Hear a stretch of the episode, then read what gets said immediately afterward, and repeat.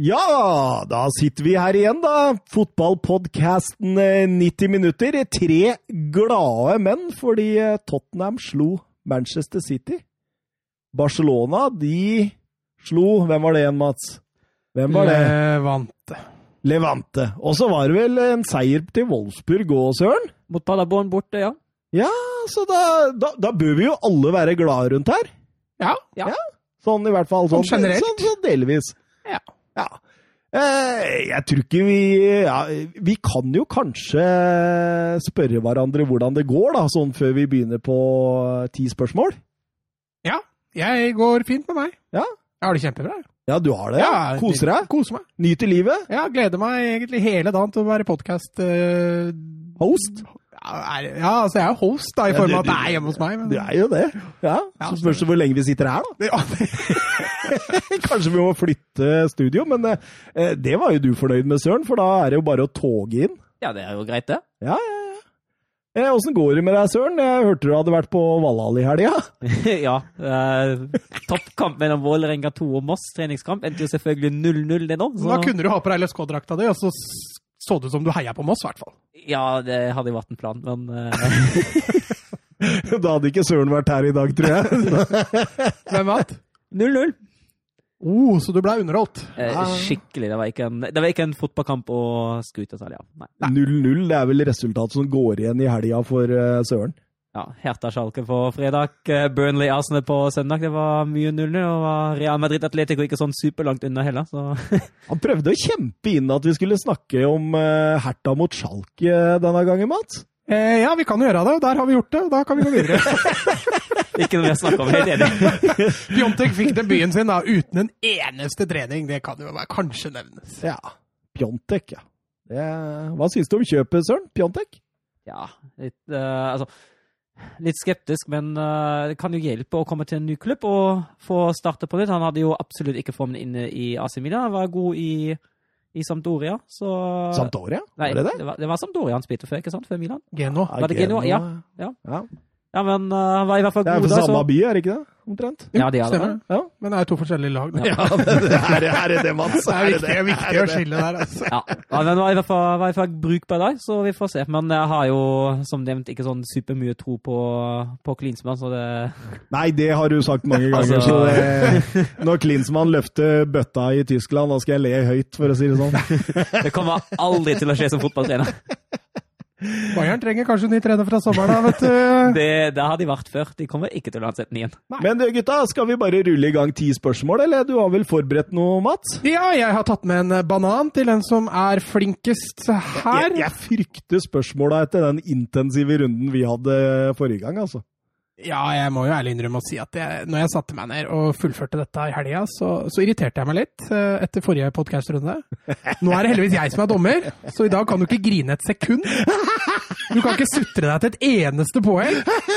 Og quizen heter 'Hva kan du om Wolfsburg?' Nei da. 10-0 til Søren. Nei da, jeg skal prøve å være fair. Eh, er dere klare? Ja. Reglene er som vanlig. Eh, spørsmål 1. Tyskland hadde et fantastisk VM i 2014 med bl.a. 7-1-seier mot Brasil. Etter at de da løfta bøtta, hadde det gått 24 år siden sist Tyskland vant VM. Hvem var trener for laget som ble Søren. Frans Beckenbauer. Det er helt riktig. Da blir det en S der, altså. En S. Med den seieren gikk Beckenbauer inn i en svært eksklusiv, eksklusiv klubb, hvor det kun var han og Mario Segallo på den tida. Men i senere tid har også Søren Deschamps. Det er feil. Men i senere tid har Deschamps også kommet inn i den klubben. Hvilken klubb snakker vi om? Eh, jeg, jeg vet hva, jeg fulgte ikke med på spørsmålet. Fordi... Får jeg, får jeg en uh, halv sjanse igjen etterpå? Som du ja, fikk jeg sist? har ikke hørt Ja, hva ja, du har sagt, jeg, fordi Jeg var bare så klar på at det sånn Blir det for lange, blir det for lange spørsmål her? Ja, altså litt sånn for, altså, det, det handler litt om sånn at jeg hadde innstilt meg på at dette er tysk VM-historie, liksom. ja, ja, Her har jeg ikke kjangs uansett, så her får jeg komme bakfra og ta igjen, tenkte jeg. ja, men er du, skal jeg lese spørsmålet en gang til Ja, prøv, prøv. Med den seieren gikk Beckenbauer inn i en svært eksklusiv klubb, Mm. Altså når han vant VM i Ja, ja. 90. Ja, det, det, da, Nå veit jeg åssen Ja. du snakker om. For de, de, de har vunnet som både trener og spiller. Vinner VM. Det er helt riktig, Thomas. Da blir det, da blir det en T der, altså. Det er lurt å følge med, Søren. Det er veldig lurt å følge med. Spørsmål tre. Eh, jeg leser nå klubbene til denne spilleren eh, tilfeldig. Eh, hvem er jeg? Kronologisk, eller sånn? Nei, tilfeldig, Ja. ikke kronologisk. Åhåhåhåhå. Så her kan det hende det lønner seg å være litt tålmodig. Juventus, Milan, Inter, Ajax, Barcelona, Tottenham, Crystal Palace, Nederland, Barnet. Ja, ja, ja, jo, jo, jeg veit, Thomas.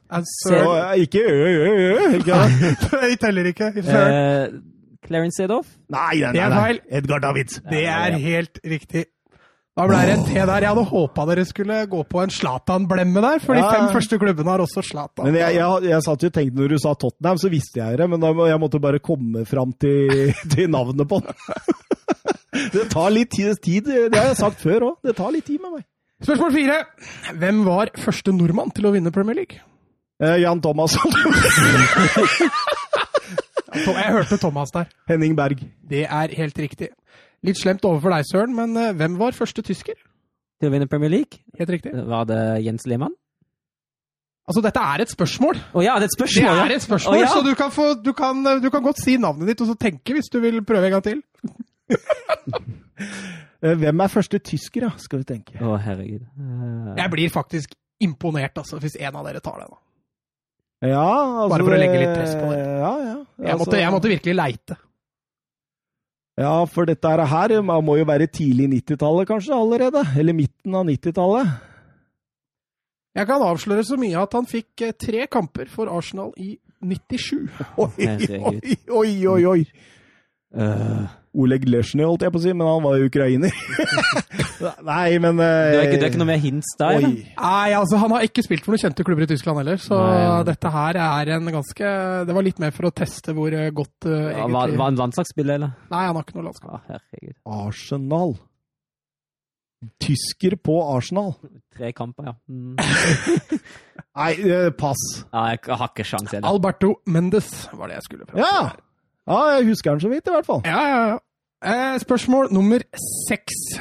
Parma hadde et meget sterkt lag på slutten av 90-tallet. Selv om de aldri greide å vinne skudettoen, var det mange ikoniske spillere som var med å vinne Uefa-cupen i 99.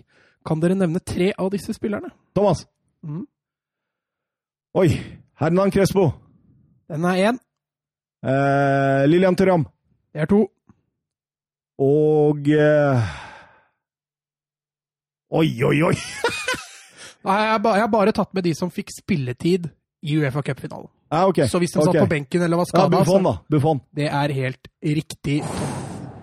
I tillegg så var jo blant annet Canavaro, Dino Baggio, Fuser, Veron, eh, herr Chiesa, pappaen til Federico, litt av et lag, altså! Stefano Fiore, Abel Balbo og Faustino Aspria, da, som var eh, Hør på det laget, altså! Ja, det er helt nydelig. Eh, og alltid vakkert å høre Buffon synge den italienske nasjonalsangen av full hals, men hvorfor er det ingen spanjoler som synger under Søren, Ja. eh, det er ikke tekst i den spanske nasjonalsangen. Det er helt riktig, søren. Nummer åtte. Felix Magath må kunne kalles en original trenertype, eh, en vandrende sitatmaskin. Eh, men relativt varierende hell med relativt mange klubber. Kan dere nevne fire klubber? Søren, Ja. eh, Bayern München, Ja, Wolfsburg, Ja. Stuttgart, Fulham. det er helt riktig. Tar du de siste òg, da? eller? Uh, han var i Kina i hvert fall. Han Eh, er i Kina. han, nei, han har sagt opp nå. Har han sagt opp, er ja? Ok, Eh, ja, da det, sto det feil. var det, var det Gen Genshu eller noe sånt? Shandong. Shandong, ja. Og så var han vel i uh, Bremen og i Frankfurt. Ikke Jo, han, Frankfurt? ja, han var i Frankfurt. Han berga dem. Jo, Eintracht Frankfurt, ja. ja stemmer. Ja, og så var, var han i Nürnberg også, tror jeg. Ja, og Hamburg, da. Ja, så har vi ja så klart. ja. Da blei det en S der også. Spørsmål nummer ni. Sevilla og Betis er arge rivaler, kanskje det heftigste byderby i Spania. Men hva kalles dette derbyet på spansk? Oi, oi, oi, oi. oi. Det, det var jo ikke så lenge siden Nei, det det er ikke så lenge siden! Oh. Jeg tror til og med du sa det i en Ja, jeg tror, tror, tror faktisk det, vet du. Eh, hva er det, da? Derby del Pamplona. Nei, jeg, jeg, jeg aner ikke. Nei, jeg har ikke sjans heller. Nei. El Gran Derby eller Derby Seviano. Som det Oi, oi, oi, oi. Skal vi bare ta en opptelling, for jeg tror dere er likt, skjønner du. Før siste Før spørsmål? siste spørsmål. Skal vi se, Det er tre poeng til Thomas der, Etter til Søren. Nei, Thomas leder med én. Så da må du ha denne, Søren. Oi, oi, oi. Og det er et blandingsspørsmål. Hvilken tysker står med flest mål i Premier League? Hvilken tysker? Søren Mm. må, jeg ta, må jeg ta en sjanse her. Um, Nei, hva, hva tenker du om det når han sier Ja, navnet sitt, og så tar det lang tid før han svarer? Nei, du må komme med et svar. på Mesut Özil. Det er helt riktig, Søren Døfker. Veit du hvor mange mål han har òg? Noe i 30-ish? Ja, 33? 32. Ah, nesten. Men da blei det faktisk likt da, i den runden her. Jeg har jo ikke forberedt noen lynrunde. Åssen skal vi løse dette da, boys? Nei, da må vi jo ta han som svarte riktig på fire fotballspørsmål, og ikke et nasjonalsangspørsmål. Nei, det var mye Tyskland her, da. Det var, Det var veldig mye tysk. Tyskland. Du, tysk. du dro på skikkelig der, altså. Gjorde jeg det? Ja, det, det, hvor, hvor mye Premier League er det der som ikke inneholder noe tysk? Ja, altså, det var Henning Berg. Ja, Eh, og så var det Nei, det var bare det. ja ikke sant? Og så, og så tar du de som enten inneholder tysk, eller handler om tysk landslagsfotball. Ja, ja, det er klaging her. Så det Ja, er, det er, ja, det er nummeret før han taper her. Nei, bare. men hør, hør hva jeg sier nå! Så, så tell opp de spørsmåla som ja, ja, inneholder ja, et det eller var annet med spørsmål tysk. én, to. Altså, Edgar Davids er ikke tysk. Nei da, nei, det er greit. To, og så hvis det er Alberto Mendes da i Premier League. Den er jo todelt, er ikke det? Jo, jo, men det, det inneholder tysk. Ja, og så hadde Ja. du Parma, så det var tre da, og så Felix Magas. da. Så hvis vi tar med Alberto Mendes, så var det fire. Ja. 4-1 i tysk. Ja, men du, du klarte jo flere av dem! Ja, Men jeg er er ganske misfornøyd med det her, Nei, nei, nei, nei, men jeg bare sier hvis du skal avgjøre. Ja, og så, Hvis du skal avgjøre en ja, ja, vinner, men da, da får jo Søren vinne, fordi du sutrer og klager Ja, igjen. greit, greit, greit. Nei, men den er grei. Men vi kan, vi kan ta Du, veit hvem som kommer til å stille spørsmål da neste gang, og disse kommer til å bli knallharde for Mats, for å si det sånn. Og jeg gleder meg. Ja, nå Hvis jeg vinner den! Ja, da, det har du ikke kjangs til, for å si det sånn. Her, kommer det ti tyske, altså. Ja, det er greit. Kjør, jeg skal lese som faen tysk fotball. ja, nei, men skal vi bare kjøre intro? Kjør intro. Greit og hei.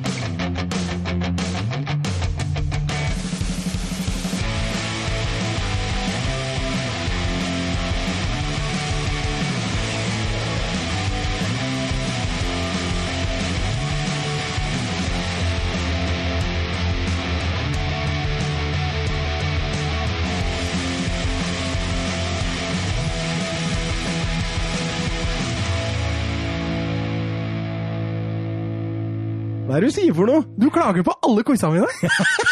Gjør Du er en sutrepave, rett og slett. Du klaga Ja. til og med på Søren sin sist. Nei, da Ja, men nå, nå- vant den. Altså, altså vi blei jo enige om det at vi skulle ha eh, litt sånn jevnt overall, da. Ikke sant? Ja, vi var jo til og med på der at vi hadde liksom to fra England, to fra Spania, to fra Tyskland. At vi, vi var jo sånn. Ja. Og så plutselig kommer det fire tyske spørsmål fordi du tapte forrige runde. ja, men det var Det- jo det om tyskere i Premier League. Ja, men det Er ikke det å dele det på midten, da?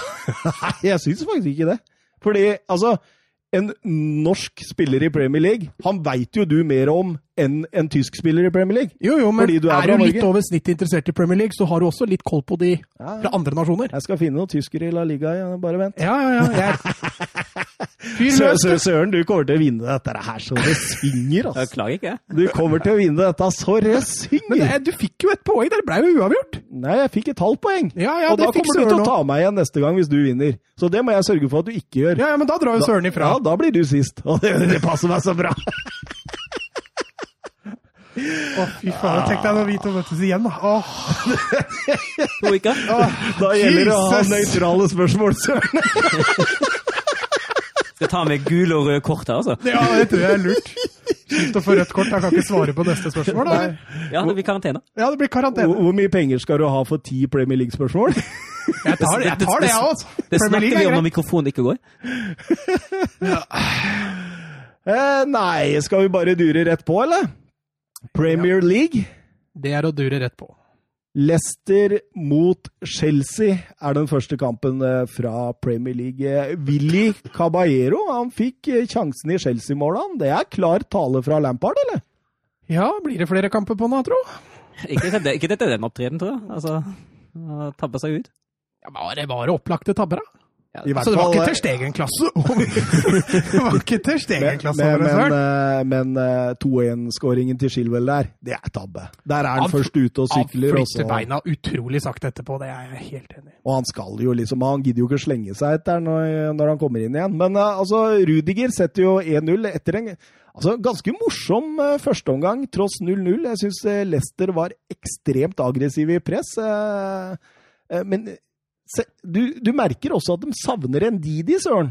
Ja, savner litt uh, Savner litt uh, den, uh, den defensive midten der. En ordnende hånd på, på midten, syns jeg. Jeg syns også Chelsea Chelsea egentlig greier de første 15-20, og så Mm. tar Leicester sakte, men sikkert over. Ja, helt enig. Helt enig. Eh, Ndidi, Mats, han eh, kjente en eh, føling i kneet. Vi snakka jo om eh, tidligere i eh, var vel episode 44 eller 43 eller noe sånt nå, om at eh, Ndidi kom rekordsterkt tilbake, raskt tilbake fra skade. Kanskje litt for raskt. En, ja, og det er jo det jeg tenker nå, da. At det må ha blitt litt for tidlig, siden han begynte å kjenne det allerede. Men, men Chaudhry er jo egentlig tiltenkt den rollen etter hvert, tror du ikke det? Ja, når de eh, en gang må selge Ndidi, så er det nok Chaudhry som går inn der. ja. For Ndidi han er så god at han kan faktisk eh, gå inn på hvilket som helst topp fire-lag omtrent i eh, Men, men jeg husker jo vi så, så Chaudhry i U21-EM i sommer. Ja, Han var jo Altså, han, han fikk jo kort opptrener der, da, men, men han, han er jo utvilsomt et talent. ja han, eh, han satte merker på han der Bamba fra Frankrike for alltid, tror jeg, i den kampen mellom England og Frankrike der. Skal aldri til Premier League, i hvert fall. Bamba, han eh, tror jeg Han tror jeg ikke drar til Premier League med det første, nei. Eh, annen omgang, høyoktanomgang. Rudiger setter 1-0 eh, rett etter pausa. Altså, det, altså, jeg tror ikke tror ikke pølsekøen eh, var i nærheten av å bli tom engang i den pausa før han satte 1-0 der. Altså, så du til og med kameraene, Søren? At de hadde jo knapt nok reagert med Hadde ikke kommet på jobben jobb ennå, de. Nei, absolutt ikke. Leicester eh, svarer jo strålende da. På ti minutter der så setter jo både Barnes, som jeg syns har hatt en nydelig utvikling. Ja, han begynner å se solid ut. Han gjør det. Og Shilwell eh, 2-1 på Caballero. Ja, om ikke en tabbe, så i hvert fall dette, dette holder ikke mål. Og så setter Rudiger 2-2 på omtrent nøyaktig samme vis som han satt. Samme, samme assistgiver nå. I Mason vant begge ganger. Ja, Slår vi to, slår vi to innlegg etter dødballer. Det ene corner og det andre frispark. Ja. ikke sånn? Og så hadde det Har du sist Rudiger skåra to mål der, eller? Ja. Ja, du har det. Ja, det skjedde én gang før. Jeg husker ikke helt når det var, men det var for Stuttgarts andre lag mot Halle i tredje, på tredje nivå i Tyskland. Ja. Mm. Så, ja, det, det skjer ikke ofte at han skårer to. Nei, så da, det er ikke så rart du husker det da, siden det skjer så sjelden. Jeg leste om det. Ja, du har lest det. Ja. Og så og så var det hans hundredste kamp for Chelsea vel også. Ja. Ikke Premier League, tror jeg, men sånn til sammen. Ja, ja. Eh, det var flere midtstoppere som skårte to mål eh, i Premier League i helga. Jeremina gjorde det også for Everton. Ja, han brukte ikke lang tid, han brukte mye kortere tid, da. Ja, det var jo eh, helt på slutten av første omgang, begge to. Han fikk 2-2 inn til, mot Watford der. Ja, Watford leda 2-0 også. Sterk seier av Everton. Det er Ja, med én mann mindre, altså. Og så ligge under 2-0, da. Rett før pause. Og så Og Tio Walcott setter 2-3 der. helt på slutten i andre omgang. Vi snakka jo litt om det at Angelotti Ancelotti ville garantert prøve eh, Walcott i større grad. Mm. Eh, ser ut som vi også har fått rett. Eh, vi durer videre på eh, Liverpool eh, sitt eh, oppgjør eh, hjemme på Anfield mot eh, Southampton. Eh, Førsteomgangen der, det er helt jevnt. Ja. Altså nesten sånn at jeg er villig til å si at Southampton var bedre. Eh, Ja, Ings var kanskje burde hatt et mål òg. ja, og Shane Long, kanskje. Ja, og Shane Long, ikke minst. Så de eh, produserer OK med sjanser, og Liverpool eh, virker ikke helt oppe å gå. Eh, Så kommer annen omgang. Eh, ikke feil om Danny Ings får en straffe der rett før Liverpool setter 1-0, eller? Nei, jeg syns ikke det. Nei, jeg syns ikke det i det hele tatt. Jeg syns det var litt rart, hele greia. Eh, ser jo Twitter er jo full for tida om eh, var, var og Liverpool og Var og Tottenham og Var og Liverpool det er de to som går igjen. Ja, for Tottenham har veldig Jo, jo, men der går det motsatt, Ja, motsatt motsatt retning, ende ja. igjen. Ja, det var det jeg skulle fram til. Ikke at, ikke at Tottenham får så jævla mye goodwill. Nei, for der går det! Der, de er ikke verdens beste venner med VAR lenger.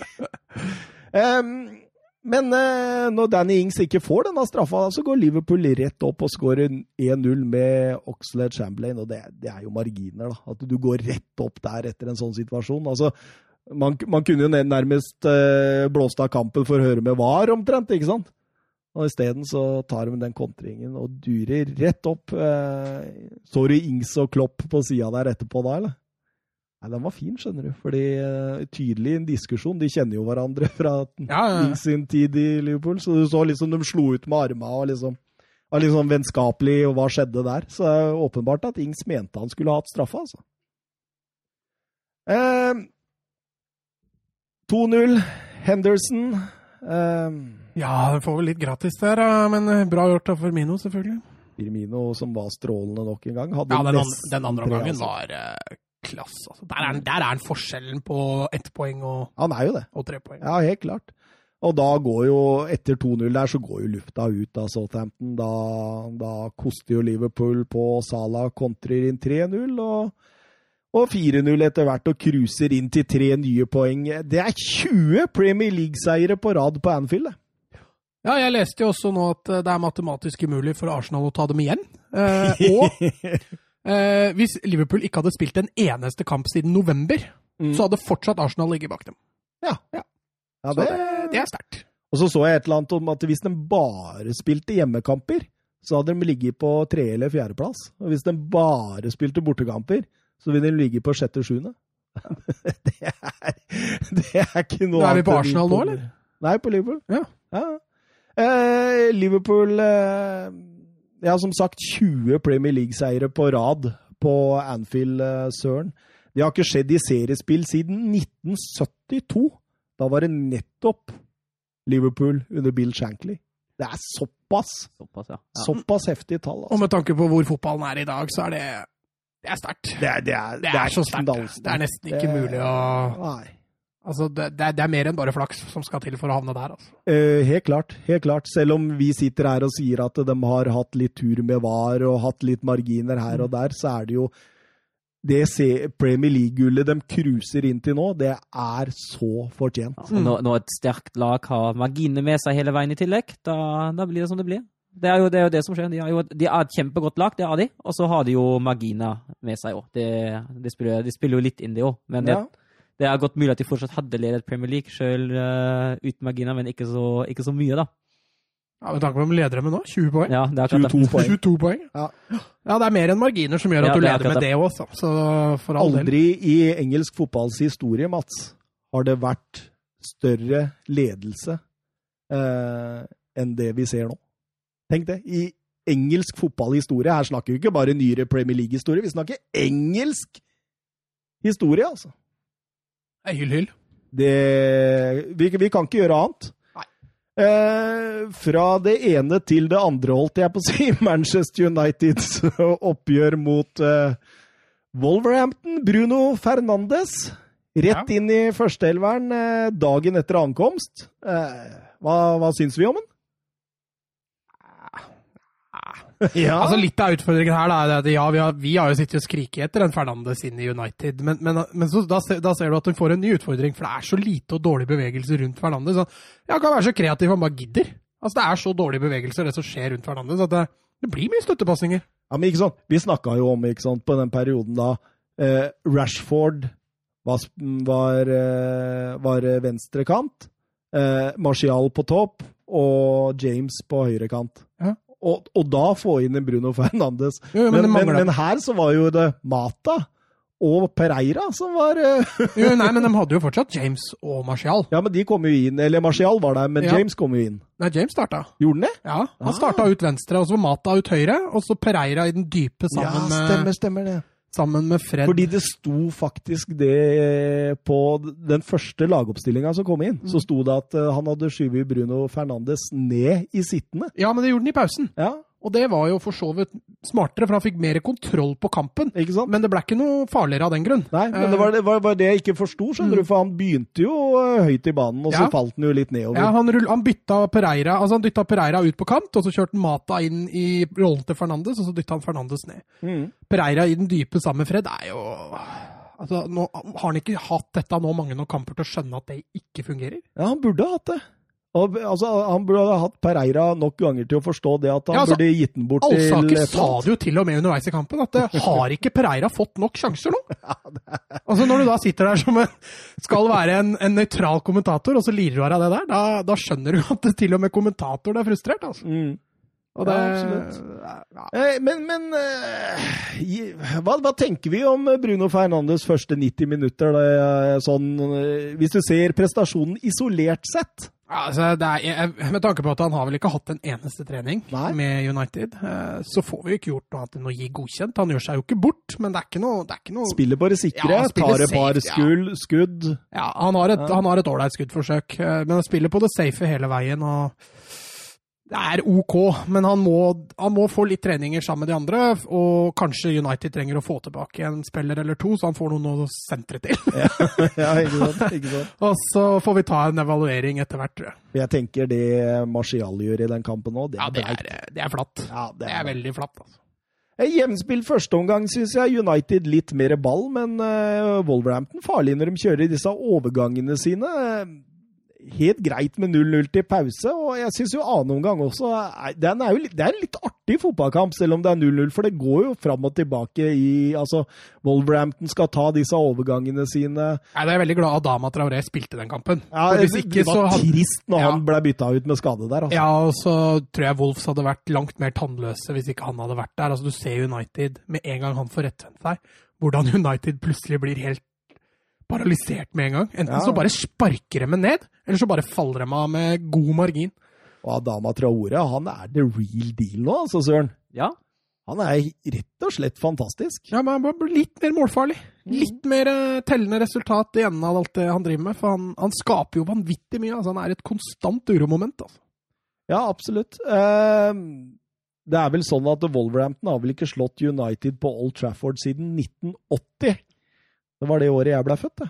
Det, det er ikke mer enn elleve kamper, da, men likevel så Solskjær klarte å opprettholde den statistikken, da. Ja, altså Dalot hadde jo en vanvittig stor sjanse på slutten her. Jeg tror kanskje han ikke tror at han får den, for han, ballen detter jo ned i huet på han der på fem meter, og så går han rett utafor. Det burde jo selvfølgelig vært et mål. Hadde det vært en spiss som hadde fått den ballen, så tror jeg det hadde vært mål, men, øhm, men alt i alt er det vel kanskje OK at det blei Jeg tror det. uavgjort. 0-0 var helt greit. Eh, absolutt. Og da ligger jeg fortsatt innafor tipset mitt om var det to poeng jeg sa? På Ja, de ja, ja seks det, neste? de to neste var tap, hvis ikke jeg husker rett feil, og så uavgjort mot Tottenham. Nei, mot Everton, tror jeg. Var det Everton du hadde Ja, uavgjort jeg lurer litt på det. Jeg er litt usikker. Ja. Men eh, det var to poeng på de seks neste, så da trenger de én på de neste fem, da. Men vi tipp, du sa jo også det at hvis Solskjær sitter i februar, så skulle du kjøpe sykkel. ja, altså ut ut februar. februar, ja, Ut det Ut februar, Ja, du sa jeg. Ok, ja. ok. Eh, Jørgen B. Ready Nystuen han eh, har tatt kontakt med oss på Twitter og sier eh, hva tenker dere om debuten til eh, Bruno Fernandes? Det har vi jo snakka litt om. Jeg har hørt flere er skeptiske eh, i og med at ingen var villig til å gi United kamp om signaturen, og at han har mislykkes i Serie A tidligere. Ja, nå nevnte jeg sist at Barcelona var jo rykta til Ja, men men hvor seriøst var det? Nei, det er jo ikke så lett for meg å svare på. Eh, Men, men det var rykter om at Barcelona kom på banen på slutten der i en Men en, men en 700-800 millioners mann, eller hva han blei til slutt, da, denne var jo kanskje 550 pluss plus 10, tror jeg. Mm. Er det ikke forventa at sånne spillere at det er flere om beinet? Flere seriøse? Er ikke det litt rart at det er så lunken interesse på en spiller som på en måte Ja, ja, jeg- i januar? Jo, Ja, men i januar der tror jeg du sier noe riktig, altså. Fordi klubber er ikke så jævla opptatt av å betale store summer i januar. og Det er bare å se på transfervinduene fra tidligere i januar, at det, det er ikke så mange storkjøp. Nei. Spillere er litt mer, nei, klubber er litt mer, vegrer seg litt mer for å betale de helt store summene. Og det var vel spiss også som var mest ettertrakta i denne Ja. transfervinduet. Og du lo godt av det spissalternativet du presenterte for United, og han dukka jaggu opp han på Carrington. ja, han gjorde det. Han Odion Igallo, så blir det spennende å se hva han har. og Der må du spise dine egne ord. Hat trick mot eh, Spurs om et par uker. der. ja, det, men det er jo derfor vi liker fotball, for det kan skje. det, kan faktisk skje, det kan det. Um, skal vi rusle videre til uh, nevnte Arsenal, som uh, var på bortetur på Turf Moor for å besøke Burnley. Ja, jeg så seiersstatistikken til de tre siste trenerne til Arsenal, og Ja. Arteta ligger klart sist av de tre de nå har eh, pløya gjennom denne sesongen. Ja, altså i, i forhold til trenere som har tatt over Arsenal, Mats, så, eh, så er det vel ikke starta så dårlig poengmessig siden første verdenskrig. Det var jo ikke i går! Men, men samtidig så Altså, det er jo bedringer i enkelte faser av spillet deres. Ja, Spesielt defensivt. Og i presset. Presset og defensivt er helt klart forbedret. Men det offensive, derimot Ja, det har blitt dårligere. Det har liksom gått litt på, på bekostning av det ene, på en måte. Uh, og det, det er jo litt merkelig. Men det er klart, mot Burnley så burde jo Arsenal leda 2-0 før det var spilt ti minutter, da. Uh, så dem- Aubameyang har jo slutta å bli en tomålsskårer. Ja. Han har slutta å bli en enmålsskårer. for den saks. Lacassette har jo slutta å skåre. Ja, Lacazette har men han ga jo opp lenge før Ja. eh, Arteta kom. Så der ga, den ga Arteta på, på, på sin. Ja, og det, det, det, det, det, er jo, det er jo litt det, altså han, Jeg syns Anteta skal få litt mildere omstendigheter, for det er ikke han som har satt sammen det laget her. Og det laget som de har satt sammen nå, det fungerer ikke helt. Han skal kanskje slutte å bruke Øzil så mye som han gjør, men Er tidenes mestkårende tysker ja, jeg vet det. Jeg nå, men, Men, men jeg, jeg kritiserer ikke Arteta. Jeg, jeg, jeg mener at uh, det du måtte gjøre når du kommer inn der, det er å ta tak i det defensive, og så får du jobbe derfra og ut. Og det, og det ser ut som han har gjort, og så får du ta det offensive når det defensive sitter. Ja, men jeg, jeg, jeg er helt enig, og jeg, jeg, ser liksom ikke helt hvor han skulle plukka så mye ekstrapoeng, eller? Nei, Og når du ser kampene Arsenal har spilt, så har de jo fått OK betalt. Mm. Eh, Det var jo et oppløftende resultat mot United. Det var en fantastisk resultat borte mot Chelsea, sånn som den kampen blei. Så har du jo selvfølgelig noen bananskall, men det, det er du nødt til å ha når du kommer inn som eh, ny trener. altså. Nå har han henta inn eh, Pablo Mari, en eh, venstrebeint eh, midtstopper. Tydelig han har blitt litt preg av Guardiola og den viktigheten av en venstrebeint midtstopper inne i laget.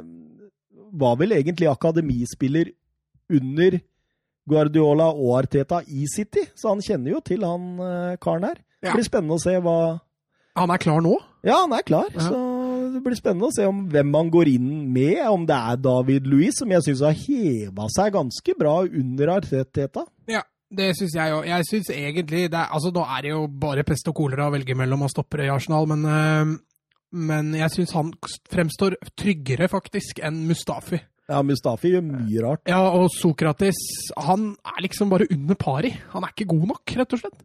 Men kjenner vi Yogi Løv, så er Mustafi med i EM-troppen til, ja, det, det håper jeg virkelig ikke, altså. Men, Han og uh, Hector, de Men det, det, det verste er man kan ikke utelukke det heller. Plutselig er han der. Altså ja, Nei. Det, det, den kampen tar vi når det kommer, tenker jeg. Tenk om han var Rake Jonathan da. Ja, det, det kan Da du egentlig gjøre etter Blir det lovet av de da blir det låvedør bak i det tyske forsvaret. Altså. Eh, Vi snakker ikke så mer om denne 0-0-kampen, annet enn å si at eh, Burnley har ikke ledet ett eneste minutt på Arsenal på de siste elleve kampene. De har ikke leda et eneste minutt! Nei. Og Allikevel så har de bare tapt. eh, oh, ja, det var ikke det du skulle fram til? Nei, Men, men altså, det som er funny, da, det er det at det, den som har rekorden på eh, å møte samme motstander og ikke lede i løpet av x antall kamper, da, det er Portsmouth. Eh, de gjorde det mot eh, Chelsea. Da hadde de 14 strake kamper uten å lede et minutt Mm. mot Chelsea. Det er litt artig, syns jeg. Eh, vi, vi går videre til uh, Tottenham Hotspur uh, Stadium. Og, og vi har jo alle Vi snakka jo litt her før sending om at det burde jo vært hovedkampen vår, for der skjedde det mye. Ja, det hadde i hvert fall tatt litt tid, da. Jeg hadde ikke fått kutta ned på programsendinga noe særlig, da, men uh, det hadde vært litt mer givende å diskutere den kampen. Så var det enkelte her som var redde for resultatet. Ja. Eh, Jeg, jeg visste vi kom til å tape denne, så den, den ville jeg ikke snakke om i hovedkampen. Men uh, Den gang ei. den gang ei eh, nå, skal, nå skal det jo sies at eh, i første omgang der så har jo Tottenham griseflaks som ikke ligger under både 1 og 2-0. Ja, men de har jo også griseflaks at Deli Alli fortsatt spiller fotball, og at uh, City ikke spiller med ti mann, så det er jo Ja, for det Hva er det VAR driver med der, Søren? ja, Den var jo Nei. til og med inne og sjekka Ja, det, det skal jo være rødt kort. Det, jeg syns egentlig ikke er noe særlig forskjell på den og det Aubameyang ble utvist for mot Max Meyer. Jeg syns nesten den her er verre. Ja. Fordi det er mer kraft. Ja, jeg kan være enig i den. Tenk at Ally spiller videre etter det. Ja, det er helt sjukt. Men det er, det, er jo, et- det er jo et rødt kort. Det er jo en utvisning. Da skal han ikke være på banen lenger. Er, det er egentlig ikke noe å diskutere, så det er bare å gå videre. Og, og, og det jeg tenker på da, når City får det straffesparket da, som er liksom Altså, det kan forsvares, helt OK, men altså, er det clear and obvious? Er det det? Fordi altså, du ser at uh, Aurier, han går jo Han presser jo eh, Aguero utover. Eh, så, så trodde jeg med en gang at det var kontakt nede på beina, ikke sant? Det var det. Det, det, var sånn han falt òg. På den måten at han falt, at han skulle bli hekta på beina eller noe sånt. Men så ser jeg det er jo låret til Aurier som er borti låret til Aguero. Og Aguero han faller jo som en uh... Ja, han blir jo tråkka litt på der òg, han får en liten stempling. Ja, men det, det, det er ikke mye, altså. Det, Nei, nei, men den, den, den ser du på, Men- men- på replayen. Jo, Og altså det er altså lettere å la seg lure når du ser den stemplingen. men er det clear and obvious? Er det det? Nei, altså jeg, jeg er helt enig. Jeg tror ikke det jeg ville karakterisere det som en clear and obvious, men, men den straffa kan fint forsvares. Ja, men jo, jo. og så er Men det selvfølgelig skal ja, jeg ikke fram komme til. inn. Ja, jeg vet hva du vil Når det er til. clear and obvious. Jeg Så at den straffa jeg veit hva du vil til! ja, men jeg syns det er litt interessant, da. Fordi hvorfor det var da han som kan sitte i denne bussen og vurdere at Stirling sin Nei, det var riktig med gult kort der. Men den den er så clear and obvious at det der dømmer vi straffespark. Og så kommer straffesparket. Gundogan. Setter fart. Joris ned og plukker. Det blir retur. Stirling er først på den. Eh, Joris, han eh, Er han borti den? Ja, han er jo borti den. Faller Stirling før Joris er borti den? Han er på vei ned før Joris er borti den. Og det er det som hindrer ny straffespark? Ja, og så er det vel det at det er kontakt som hindrer altså, Reaksjonen til Mourinho der er jo hysterisk. altså. Når jeg så det den første gang, jeg lo så jeg grein, altså. Ja, for de finner jo ut på benken De der og at her bør jo være gult kort for filming hvis Ja. det ikke er straffespark. Ja, ja, men det er assistenten til Mourinho jeg ler litt av, for det er han som kommer på dette først. Joa Sacramento. Ja. Ja, og så gir han beskjed til Mourinho. Mm. Oi, han skulle kanskje ha et gult kort. Og så begynner Mourinho å løpe, og da begynner assistenten å løpe òg! Så han blir sånn der, veldig prega av reaksjonen til Mourinho. Da. Ja, det er så fantastisk. Og fra total pur glede til raseri på den, den, den er rett og slett fantastisk. Jeg lurer på hvor mange ganger jeg har sett den. Ja, den er helt nydelig. Men, men jeg syns ikke det er noen ny straffe, og jeg syns ikke det er gult kort for filming. Men jeg er enig i at han konstruerer hele situasjonen. Sånn at, eh, sånn at eh, Jeg syns dommerne gjør akkurat den situasjonen synes jeg er helt greit. At de, Men Stirling prøver jo å konstruere også et straffespark veldig tidlig i matchen der, som også kan egentlig forsvares et gult kort. Så han er jo virkelig på gyngende grunn i første omgang der, og det er jo helt utrolig at han går av, banen og kan spille videre. Ja, det er mine øyne først og fremst pga. den taklingen han på Ally. Eh, De to han prøver å konstruere. altså Det er jo snakk om at han prøver å lure dommeren.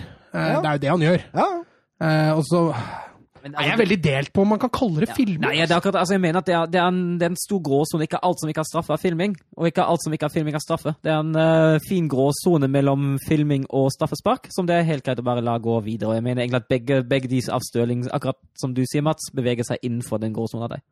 Nei, ja, det er jo litt sånn som nå har vi VAR òg, så det bør jo kunne gå an å, å, å, å plukke fra hverandre, de der. Manchester City de har bomma på fire av de siste seks straffesparka, de. Ja, de har vel også hatt fire forskjellige straffetakere nå. Ja, Guardiola lanserte jo Ederson nå, vet du. Ja, Kanskje det- bønnbryten? Det var det du sa forrige episode, var det ikke? Og eh, Manchester United er jo det andre laget som brenner like mange straffespark omtrent. Så er det et eller annet i vannet på, i Manchester, eller hva, liksom? Jeg veit Ja, ikke. nå har jo United blitt ganske stødige på straffer, er de ikke det? Jo, jo, men sånn i forhold til eh, bom på straffespark, så, er det jo, så ligger jo helt i toppen med City der. Ja, men det, og dette kan fort bli en liten bane for City òg, vet du. Hvis det, altså Topp fire greier de selvfølgelig uansett, men det kan hende at de misser en sølvmedalje pga. brente straffespark. Eh, Tottenham holder i hvert fall 0-0 ut første omgang og videre utover i andre omgang. Og så snapper Harry Winks en corner og setter full fyr framover. Eh, professional foul av eh, Zinchenko. Da er det kort. ingenting å diskutere. Nei, den er jo ikke det. Han, tar jo, han er jo ute etter å ta wings og kun det. Eh, sitt andre gule, helt Det- fortjent. Det er det at han har mye større fart enn Chinchenko, for idet kollisjonen skjer, så er det en skulder-mot-skulder-duell. Ja. Men fordi Wings har så mye høyere fart enn Zinchenko, så er dommeren har jo ikke noe valg. Nei, han har jo ikke det. Og da er Zinchenko den andre russeren Nei, andre Bulgareren. ukraineren siden Oleg Lusjny, som eh, fikk rødt kort i Premier League. Ja. Husker du Lusjny? Han svære Ja. bamsen av en Arsenal-stopper. Eh, Var han ikke litt back òg? jo, han var litt høyere bekk òg. Ja. Stemmer det. stemmer det. Og da, etter den utvisninga, så finner jo Mourinho ut at eh, nå nå kan vi flytte laget litt høyere, nå kan vi presse City eh, litt bakover, og får jo umiddelbart betalt. Men om debutantscoring, Steven Bergvin. Ja, og en total gledeseksplosjon. Ja, Det er jo herlige scener å se eh, den gleden. Ja, eh, også prestasjonen var jo strålende. Eh, Hardt innlegg som han faktisk demper på brystet og skyter i nesten én bevegelse. Ballen treffer ikke bakken, så det blir jo en, blir jo en slags halvvolley-opplegg. eh, Perfekt ned i hjørnet. Han begynner jo å juble før ballen har gått i mål, og det, det er helt nydelig. Han ser at dette blir mål. Debutantscoring nummer 250 i Premier League-historien. Ja. Det, det er artig.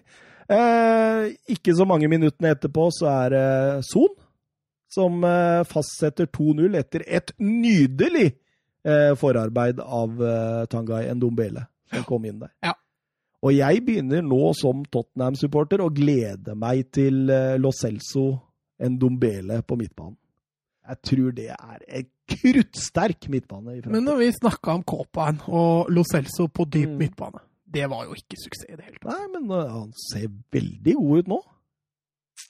Ja, han har jo, Det skal jo sies at han har en mye bedre spiller ved siden av seg enn det han hadde i Argentina. da. Det er, selvfølgelig har sikkert det noe å si òg, men eh, jeg tror jeg skal holde han lite grann, for jeg mener så Lo Celso fortsatt er best i en tier, eller i hvert fall litt ut venstre høyre. Ja, men, da, man har jo også spilt der. Han Ja. har vært helt innafor. Så jeg syns uh, Lo Celso han, det er the real deal. altså. Han tror jeg kommer til å ta Premier League med storm. Eh, fantastisk fotballspiller. Nydelig. Jeg, jeg ser på han som en oppgradering av eh, Christian Eriksen, faktisk. ja, det er Jeg nydelig. gjør faktisk det. Skal vi snakke om en interkamp etterpå, hvor de har kjøpt en nedgradering av Christian Eriksen. ja, hva er det han driver med? Det kan du jo egentlig rue på. Eh, vi hadde et eh, spørsmål på Twitter også. Petter S. Eh, hvorfor i Så kommer det banneord her jeg helst ikke vil si. Vi er på nasjonal kringkasting, er vi ikke det? NRK? eh, hvorfor får ikke Stirling rødt kort etter tolv minutter? Nei, det lurer jo vi på også. Eh, og hvorfor får han ikke sitt andre gule når han filmer på Joris sin retur? Det har jo du vært litt inne på, Mats. Ja.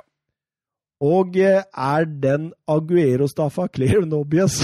det har jeg Der har vært inne på. på. Er, eh, Ben Petter S, han er Tottenham... han er Han er Tottenham-supporter. Tottenham, Ja, Ja, han er lei var, står det. ja, ja. Mm, Det er, du- det er du òg. Ja, men det er veldig mange som følger Ja, det Premier er League. faktisk det er veldig mange. Men det er også det faktumet, da, når den, for å dra opp den igjen eh, Når Aguero-fellinga skjer, så går det altså Hvor lang, mange minutter går det? Ett og et halvt minutt? Ja, to. To minutter, ja. Mm. Til det blåses straffe, da. Ja. Nei, det skjønner jeg er Altså, sånn Tottenham Hadde jeg vært Tottenham-supporter da, hadde jeg blitt lynings, altså. Og, altså, du kan jo regla med at ballen må ut av spill før dommeren kan ta tak i det. Men tenk, sånn som de sa i TV 2-studioet der, tenk om Tottenham hadde scora! Mm. Tenk om Tottenham hadde scora! Det hadde jo blitt Hadde, altså, hadde jo storma banen. Ja, det hadde blitt Og Morin, Mourinho, tenk deg Mourinho! ja. Det hadde vært morsomt! Jeg, kjenner meg jeg Det hadde kjenner, vært hadde vært morsomt. Det hadde vært gøy! Jeg kjenner veldig igjen i mange av de problemene Tyskland eller Bundesliga hadde første sesong med VAO. Det var til og med en kamp som hadde blitt blåst til pause, og så fikk dommeren beskjed på øret, og så hentet han lagen som var på vei til pausen, inn igjen for å ta et straffespark. Eh, var Mainz mot Freiburg eller noe sånt. Men eh, det, ble, det ble litt absurd. Men altså, jeg tror jo hvis, hvis, man, tar, hvis man tar de riktige konsekvensene ut ifra det som vi ser nå, da kan det bli veldig bra med VAR. For VAR er egentlig et fantastisk verktøy, men jeg er helt enig i det dere sier, at eh, som det brukes nå i Premier League, da er det stort rom for forbedring. Ja, I hvert fall på veldig mange situasjoner. Og så den røde tråden vi snakka om i starten. Nei, det er, det er visst her borte. Vi fins ikke, den. Det blitt, Det er eh, dø- var dømme på skjønn og kun skjønn, liksom. Ja. Eh, vi går over til eh, hovedkampen vår, vi. Eh, og da trasker vi jo over i La Ligas rike, Mats.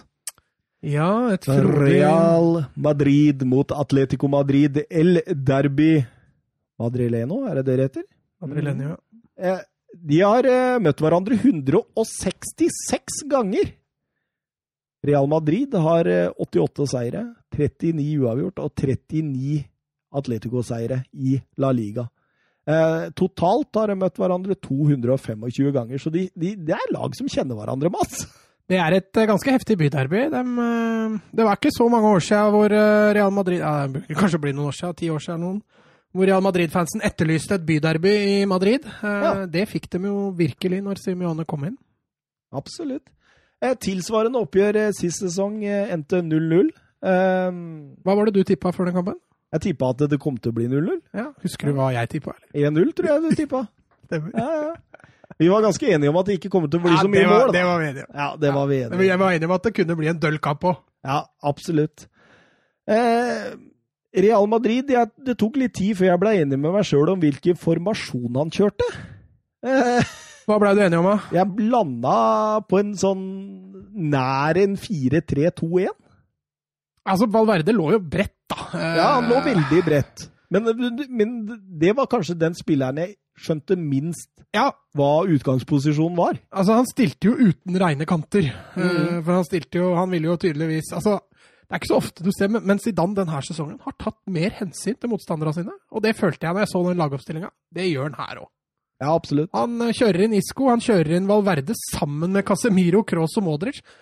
Det betyr at han har alle de sentrale spillerne sine på banen samtidig. Ja, absolutt. Og eh, Atletico kjører sin vanlige 4-4-2. Eller 4-4-1-1, om du vil. Ja, det blir en hva mer vanlig 4-4-1-1, ja. Ja. Eh, Vitolo lå litt eh, både i midtbaneledd og Han vandra mye. ja.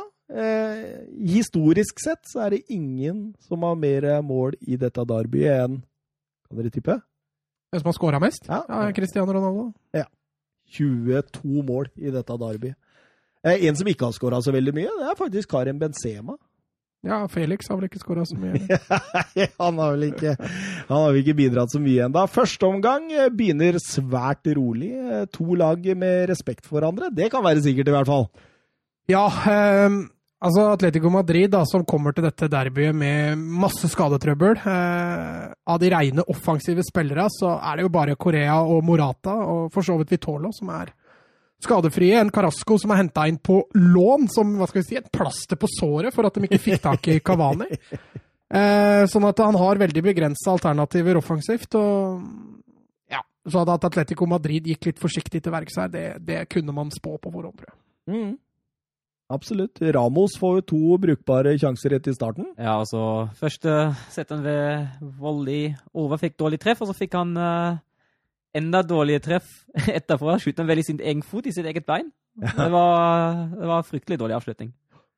Og Atletico har jo ingenting å komme med før i det 17. minutt. Da får Vitolo en sjanse. Morata som finner eh, Det er vel han der av høyrebekken på sida der, han eh, Vrelsalco, er det det han heter? Ja, Eh, eh, Flatt innlegg eh, via Mendy, som legger den perfekt til rette for Vitolo omtrent på 11-metersmerket.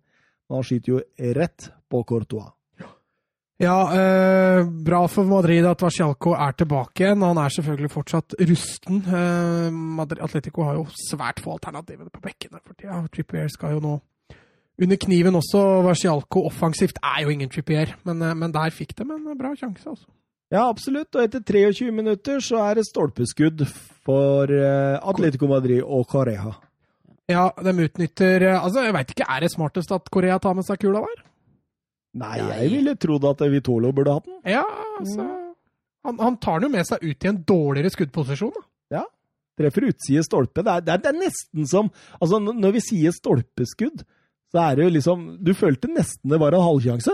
Ja, jeg er helt enig. Fordi altså, det er ikke så mye altså, jeg, Uansett hvor han treffer på målet, jeg tror egentlig Courtois har kontroll på den der. Ja, Den må du ha Ja. oppunder tverrleggeren hvis du skal Ja. ha noen sjanse, altså.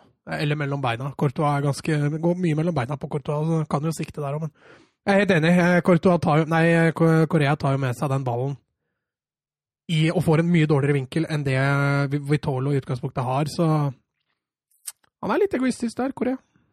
31 minutter. Morata vil ha straffespark.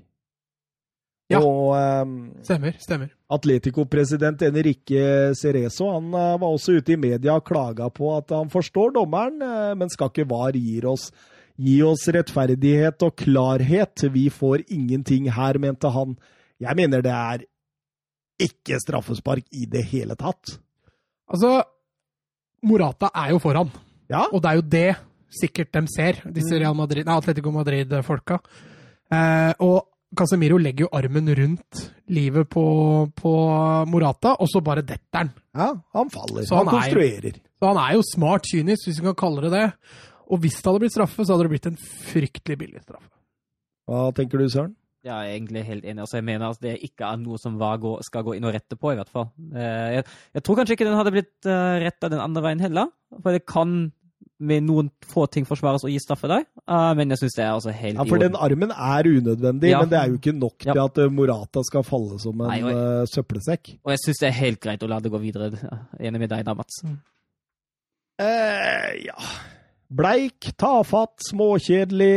Eh, kunne vi nesten spå det, egentlig. Var eh, Jeg, jeg, jeg, jeg kjeda meg. Ja, eh, det jeg satt og stusset Altså, det, når du da sitter og lar tankene vandre litt, så, så blei jeg litt fascinert av Valverde også i den kampen her. Altså, for han, han virker som en liten sånn kameleon-typ. Altså, han har spilt sentralt istedenfor Casemiro med hell. Han har jo spilt den indreløperrollen med veldig hell tidligere sesongen, og nå spiller han en slags Ja, hva gjør han? Altså, han spiller en innoverkant, altså en, en smal kant eh, på høyresida der, og jeg syns han får det til bra. Mye av det han Han starter så dypt i banen og har så bra driv med kula, og han virker som en ordentlig potet som Zidane kan benytte seg av på midtbanen her, som eh, Ja, han sikkert er sjeleglad for. eh, absolutt. Eh, men altså, jeg var så skuffa, jeg, egentlig. Fordi jeg tenkte jo det at jeg i hvert fall skulle få se litt temperatur. Mm. Men det var jo nesten ingenting å snakke om. Det Nei, Simione fikk vel et gullkort, da. Ja, ja, jo, men det, det skjer jo. Ja. Men altså, dette så nesten ut som en treningskamp. Ja, jeg husker jo den treningskampen de hadde i sommer. Så Ja, den det til får- 7-2 eller 3 eller mye det var, så det hadde nesten vært bedre om de hadde servert den igjen. Men, Men, eh, men, du, eh, men du kunne jo nesten se det litt på forhånd når Real Madrid gikk ut med den startelveren de gjorde. Ja. Eh, For de tok jo hensyn, og da Men i annen omgang, Mats, da gjør han jo noen bytter. Ja, det sa jeg før vi begynte her, at dette er den beste coachinga sett av Zidane eh, på lenge. Eh, Han ser helt klart at eh, Real Madrid må få bretta spillet bredere hvis de skal klare å penetrere dette Atletico Madrid-forsvaret. og Han bare klinker til. 4-3-3.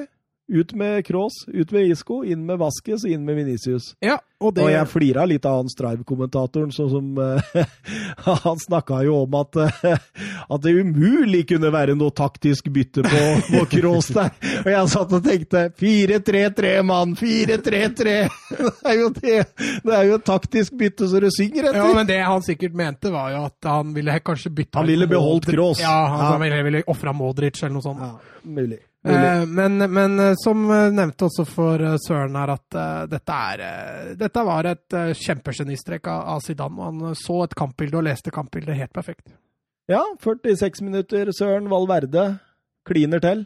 Ja, og god, veldig god redning, egentlig, for opplagt av deg. Ja, Fin, fin, fint skutt fra utenfor boksen. og Litt TV-redning? Ja, litt. Litt, litt, men- litt for show. Litt, men uh, jeg syns fortsatt det er bra. Det, Han kunne slått den i tverrleggeren ut igjen, så hadde det vært enda bedre, Søren. Men allerede der så ser man jo poenget, ikke sant? At uh, 4-3-3 så strekker Real Madrid Atletico mye mer, ikke sant? Og åpner opp større rom i disse korridorene foran stoppera. Uh, hvis man har høyt nok balltempo og klarer å skifte uh, Skifte Altså ja, hva er ordet jeg skal fram til nå? Altså At man vender spillet fort nok, da. Ja. Skifter spillet fort nok fra den ene sida til den andre og inn i midten og ut og bretter. Og det var jo sånn denne sjansen kom også fra Det var Venitius, tror jeg, som var ute og Og det er, men du ser også bevegelsene da, eh, i midten, fordi der de i første omgang hadde ofte folk i rom hvor du egentlig vil ha det åpent. Der var det plutselig nå åpent, Mm. sånn at indreløpere typ Modric Valverde kunne angripe rommene foran seg. Ja. Og det resulterte jo ofte i at de kom rettvendt i mye større grad i mellomrommet til Atletico Madrid, og det blei ble farligere med en gang. Og Søren, eh, han godeste Diego Simione, han eh, svarer han på 4-3-3-formasjonen og, og bytter inn Lemar for Morata for å få en 4-5-1. Ja, men eh, det ble ikke helt suksess. Det Altså, jeg tenkte, hva driver du med nå? Ja, det, Altså Lemar, som har fått så mye pepper i hele sesongen av Atletico-fans, han har ikke levert varene i det hele tatt. Kosta vel 500 millioner når de kjøpte den fra Monaco. Så han så syns jeg han har en fryktelig kamp mot Real. Ja, ja, helt katastrofe. Eh, dårligste bytte han kunne finne på, nesten. Mm. Og bare seks minutter etterpå så smeller jo det. Ja, smeller det. Venitius trekker på seg tre Atletico-spillere der. Men, men jeg bare nevner det da, at Morata gikk jo av skada. Han gjorde det, ja. Sånn at uh, Så det, det var et tvunget bytte, eller? Ja, altså Morata er ute nå. Det spekuleres i at han ikke rekker Liverpool-matchen. Ja. Uh, Sånn at det er jo ordentlig krise i Atletico nå. Men, eh, men og det forsvarer jo ikke at han setter inn LeMar. Sånn at Men hadde noen andre spisser på benken der, da? Nei, altså han hadde en Carasco, da. Han Ja. kom jo inn litt seinere, men han har jo ingen reine spisser lenger. Nei. Ja, han kom jo inn en unggutt, Han da. Saponjovic, ja. Han der av Ja, han satt på benken, men han valgte heller eh, Cameo, mm. som er en ung, lovende eh, Madrid-spiller. Madrid-gutt, mente jeg. Ja, for dette målet, da, så er det Venitius som trekker på seg tre Atletico-spillere, og Ferland Mendy som lurer seg inn bak ryggen på Lemar. Å, Lemar, der må du følge med, altså. Ja, Jeg går sakte. Innlegget er nydelig, og der kommer Benzema som et skudd for baugen mellom Filipe og Lodi der, og smeller inn 1-0. Ja, så skudd for baugen for Atletico, da. Ja. Ja. Og det var jo et fantastisk mål, egentlig. Ja. Og her ser du da eh, effekten, eller her ser du konsekvensen av at de har fått inn på kantspillere. Plutselig står det tre Atletico Madrid-spillere i ingenmannsland. Ja. Det blir kjemperom for Benzema i midten. da. Ja, og han eh, utnytter jo den. Han. Ja. Første eh, Madrid-derby-skåringen hans på Santiago Bernabeu. Mm. Eh, hva nå da, Atletico, tenker jeg. Altså, uten oppspillspunktet, uten reint spiss på banen, eh, mer defensiv i tankegangen etter en helt OK førsteomgang. For den var faktisk hakket bedre enn Real i første. Hakket bedre. Ja, jeg tror Simione, hvis han kunne velge, så hadde han tatt en lik andreomgang som første. Jeg tror det. Men han ser jo kjapt at det kommer det jo ikke til å bli når Zidane gjør de byttene han gjør. og Han prøver jo så, å, å la dette tusle og gå, og så kommer dette Morata-byttet, og det, det ødelegger egentlig hele matchen altså for Atletico. Eh, etter dette, Atletico, det blir jo ikke noe svar. Nei, det blir jo ingenting. Jeg blir, jeg blir skuffa. Jeg syns egentlig Atletico framstår som uh, defensive og passive i hele kampen. Eh, Real har god kontroll på midtbanen. Eh, når Oblak slår, slår langt, står de innimellom til og med fem bak for å ta, ta imot de, de lange ballene og passe på at ingen stikker fra i senteret. Jeg syns de de gjør akkurat det de skal, eh, og la ikke Atletico slippe til i hele tatt. Men jeg, synes, jeg, jeg savner så litt driv i dette Atletico-laget. Jeg syns egentlig det var sånn ingen som man virkelig så ville litt og prøvde litt. Kanskje Carasco da han kom inn. Men utenom det var sånn egentlig virker litt sånn gidda løst, egentlig. Jeg oversatte riktig på, på AS sin overskrift, så hadde de seks mann på trening dagen etter uh, Madrileno. Så dem er, der er det krise nå.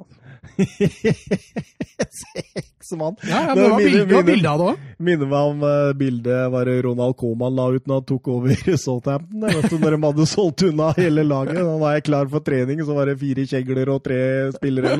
Flere kjegler enn spillere. Det er nice. Eh, Men, men, men eh, Søren, du er litt inne på det jeg tenker på. fordi jeg syns det ser ut som uh, Simione fortsatt tror det er 0-0. Ja. ja. Nei, men kan jo hende han tenker at å tape 1-0 her er, er bedre Enn å gå på 2 enn å og 3. gå på 2 og 3. Ja. Gjør et bytte der etter 70 minutter. Vitolo ut. Karesko, eh, som vi snakka om inn, han eh, Ja, to år siden han forlot Atletico til fordel for et eventyr i Kina. Tilbake på lån nå. Sist han spilte fotball, var 1.12.2019. Da fikk han åtte minutter i en 2-0-seier mot Beijing René. Så han burde hatt litt energi, i hvert fall. Han burde hatt litt energi, men, det men kanskje også litt hadde... treninger innabords med laget, da. Han, eh, han, viste jo i hvert fall at han hadde litt energi, da. Eh, men, men, han evner jo ikke. Og det var litt det som var utfordringen med Carascos sist runde i Atletico også. At han, det er mye vilje der. Mm. Eh, mye, mye, vilje og lite evne. Jeg, jeg, jeg syns han prøver, han prøver å bevege seg riktig, i hvert fall. Men altså nå jo, ja, Han får ikke noe støtte av lagkameratene i det hele tatt. Altså, han, er, han er for all del han er unnskyldt, men, men men, men, Carasco har jo et herlig potensial. Han er jo en herlig fotballspiller. og det, Jeg husker jo det når de kjøpte han, at du gleda deg litt til Atletico-matcher. For han, han, var litt artig å se på. Han var litt sånn som ja. Lucas Ocampos. da. Ja. Litt samme typen. Men jeg kan jo variere fra det fantastiske til det bedrøvelige. Og så allikevel så beholdt de Thomas LeMar, så nå har de jo Ja, ja, nå er jo alle skada, da, men de har jo egentlig fem-seks vinger nå, kantspillere, mm. i, i Atletico-troppen.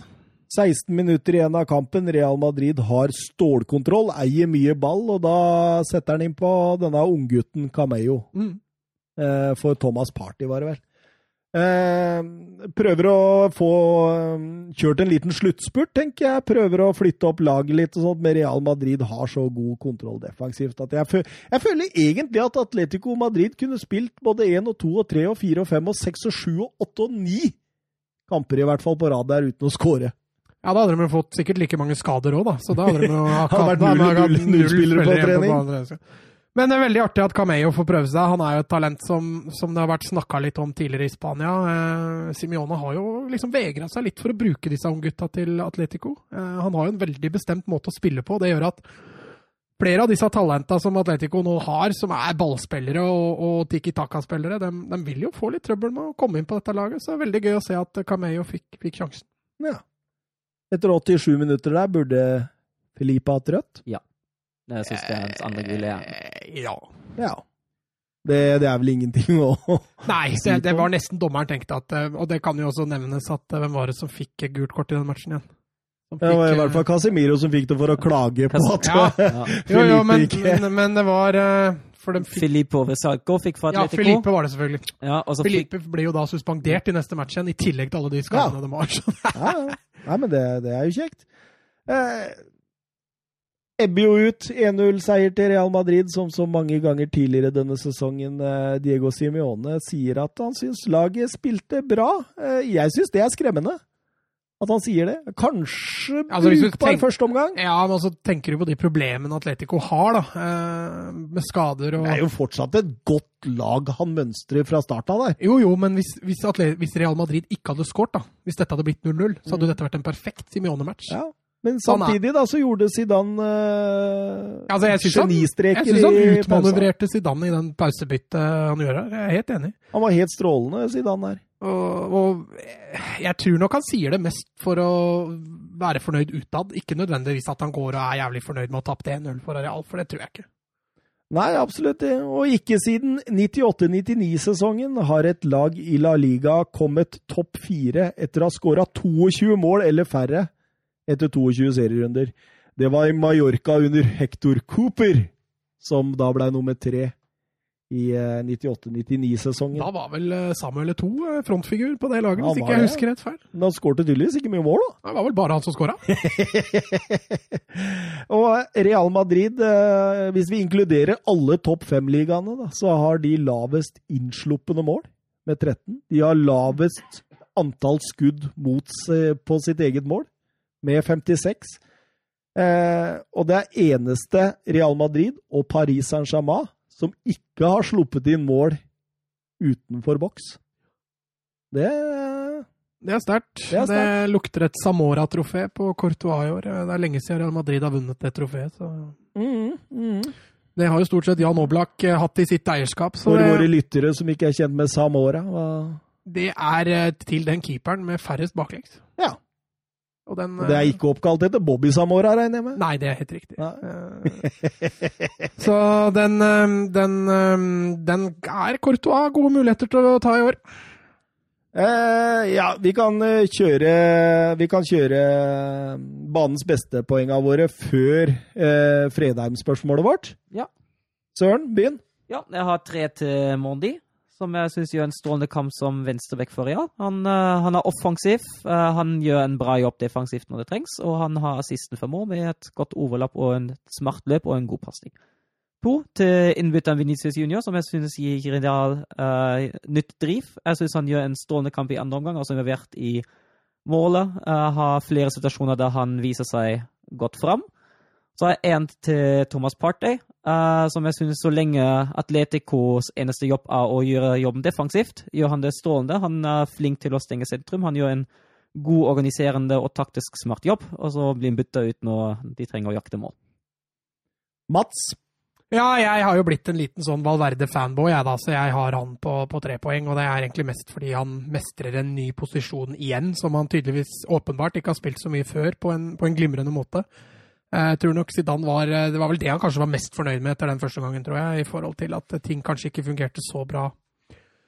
Eh, Så bra offensivt. Eh, To poeng har jeg til eh, Mendy. Han spiller kanskje sin beste match offensivt, syns jeg. Eller i hvert fall ja, offensivt for, for Real Madrid i år. Han, eh, han kommer med masse bidrag, spesielt utover i andre omgang, syns jeg. Da var han eh, da var han eh, strålende, og ett poeng gir jeg til, eh, til Casemiro. Han eh, eier den midtbanen.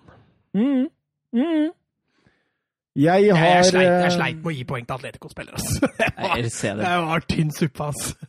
Jeg har tre poeng til Federval Verde. Jeg er helt enig med det du sier, Mats. Jeg syns han var eh, banens eh, beste spiller.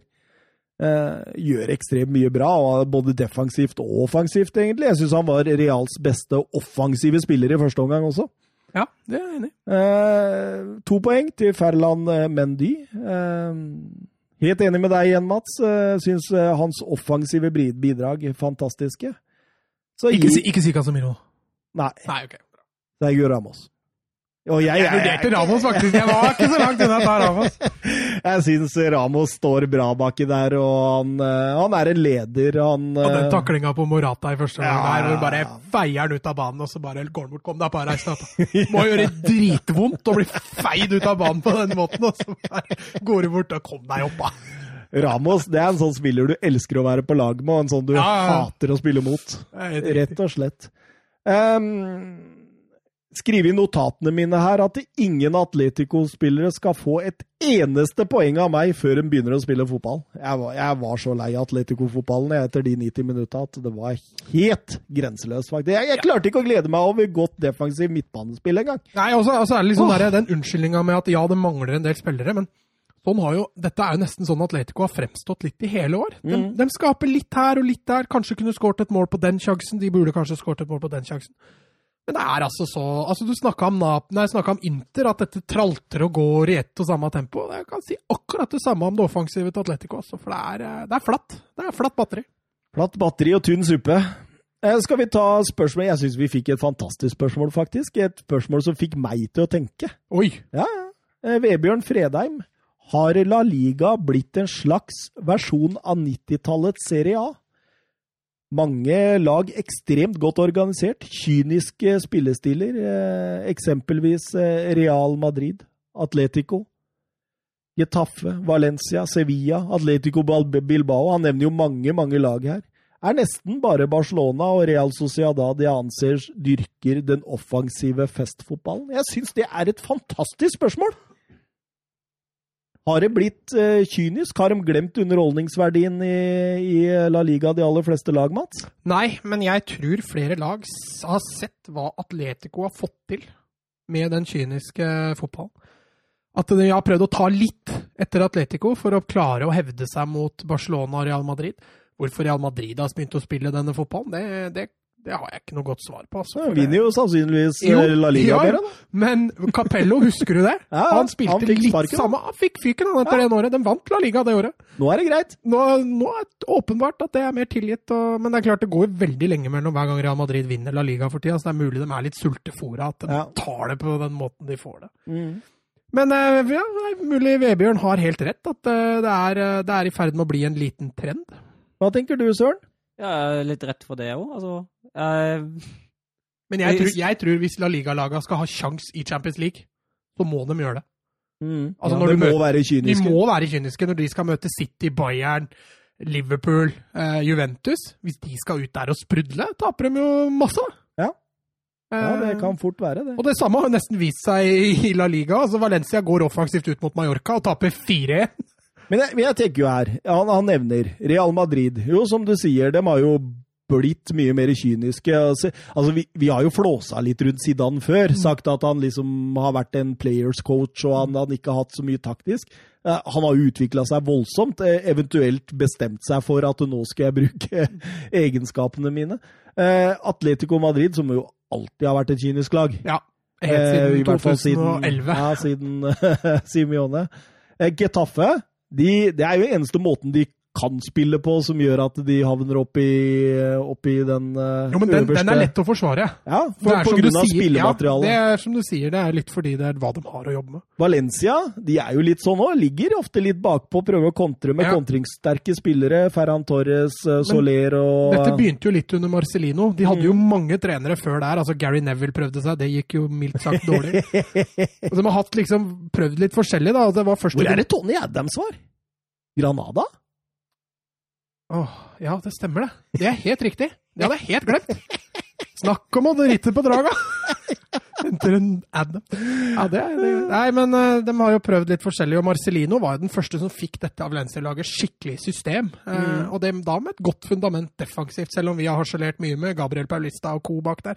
Ja. Så er det et bra Men system. systemet er satt der. Ja, Ja, ja. helt enig. Eh, Jeg nevner Sevilla. Under Lopetegi så har jo dem også blitt voldsomt kyniske, syns jeg. Ja, og solide. Det, Ja. det, det vil jeg kanskje kalle mer solid. Altså, for de har jo et OK offensivt Men, men, fundament. men, jo, men, det, men, men eh, Sevilla det, det, er, det er jo veldig mye basert på defensiv trygghet. bekkere som kommer rundt og skal slå disse innleggene til en svær eh, Altså, det er jo ingen lag i Europas topp fem-ligaer som har så mange innlegg i løpet av en kamp som Sevilla. Der burde Wolfsburg utfordre Sevilla litt. altså. ja.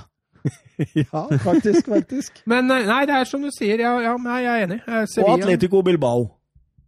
Atletic Bilbao, ja. Men de har jo, de har jo også alt, ofte spilt litt kynisk, da. Ja. Det er ikke noe nytt det at Bilbao er litt uh, trårige, traurige. Vi har litt statistikk på dette her òg. Ja, du har det, Ja, ja, ja. kjør på, kjør på. I premieredivisjonen har det vært 92 sesonger så langt. Denne sesongen, 1920, ligger, hvis du ser på skåringssnitt, på 73. plass av 92. Ja. Og det er bare to ganger på 2000-tallet at det har vært enda lavere. Det var 2005-2006 og 2006-2007. Ja, Det var Så- rett før Guardiola-æraen. Og da ble det positivt å spille litt mer attraktiv Da ble det igjen. plutselig gøy å spille offensivt. Ja, ja. Ja. Det, er, det er trender, rett og slett. Ja. Så trenden er kynisk i La Liga for tida. Jo, men så tror jeg også de følger litt den at uh, hvis vi skal hevde oss, så må vi gjøre det. Mm. Fordi hvis du går tilbake igjen til 2000-tallet, da, da var Valencia ble seriemestere, Deportivo la Coronia ble seriemestere. Det var ikke bare Real og Barcelona hele veien. Eh, Etter at Guardiola kom inn, så har det bare vært Barcelona og Real Madrid. med Unntak av ett unntak, da. Eh, Mm. Sånn at det er mulig Valencia, Sevilla, eh, Atletico, da, som alltid har vært der under Simione, ser at eh, greit, skal vi hevde oss, da må vi spille sånn. Og du så jo starten av 2000-tallet. Deportivo la Coronia var i semifinalen i Champions League. Valencia var i finalen i Diego Champions Tristan. Ja, ja. Og Valeron. Ja, ja, ja. Stemmer, stemmer. stemmer. Eh, sånn at eh, Ja, jeg tror, som du sier, kanskje det er en trend.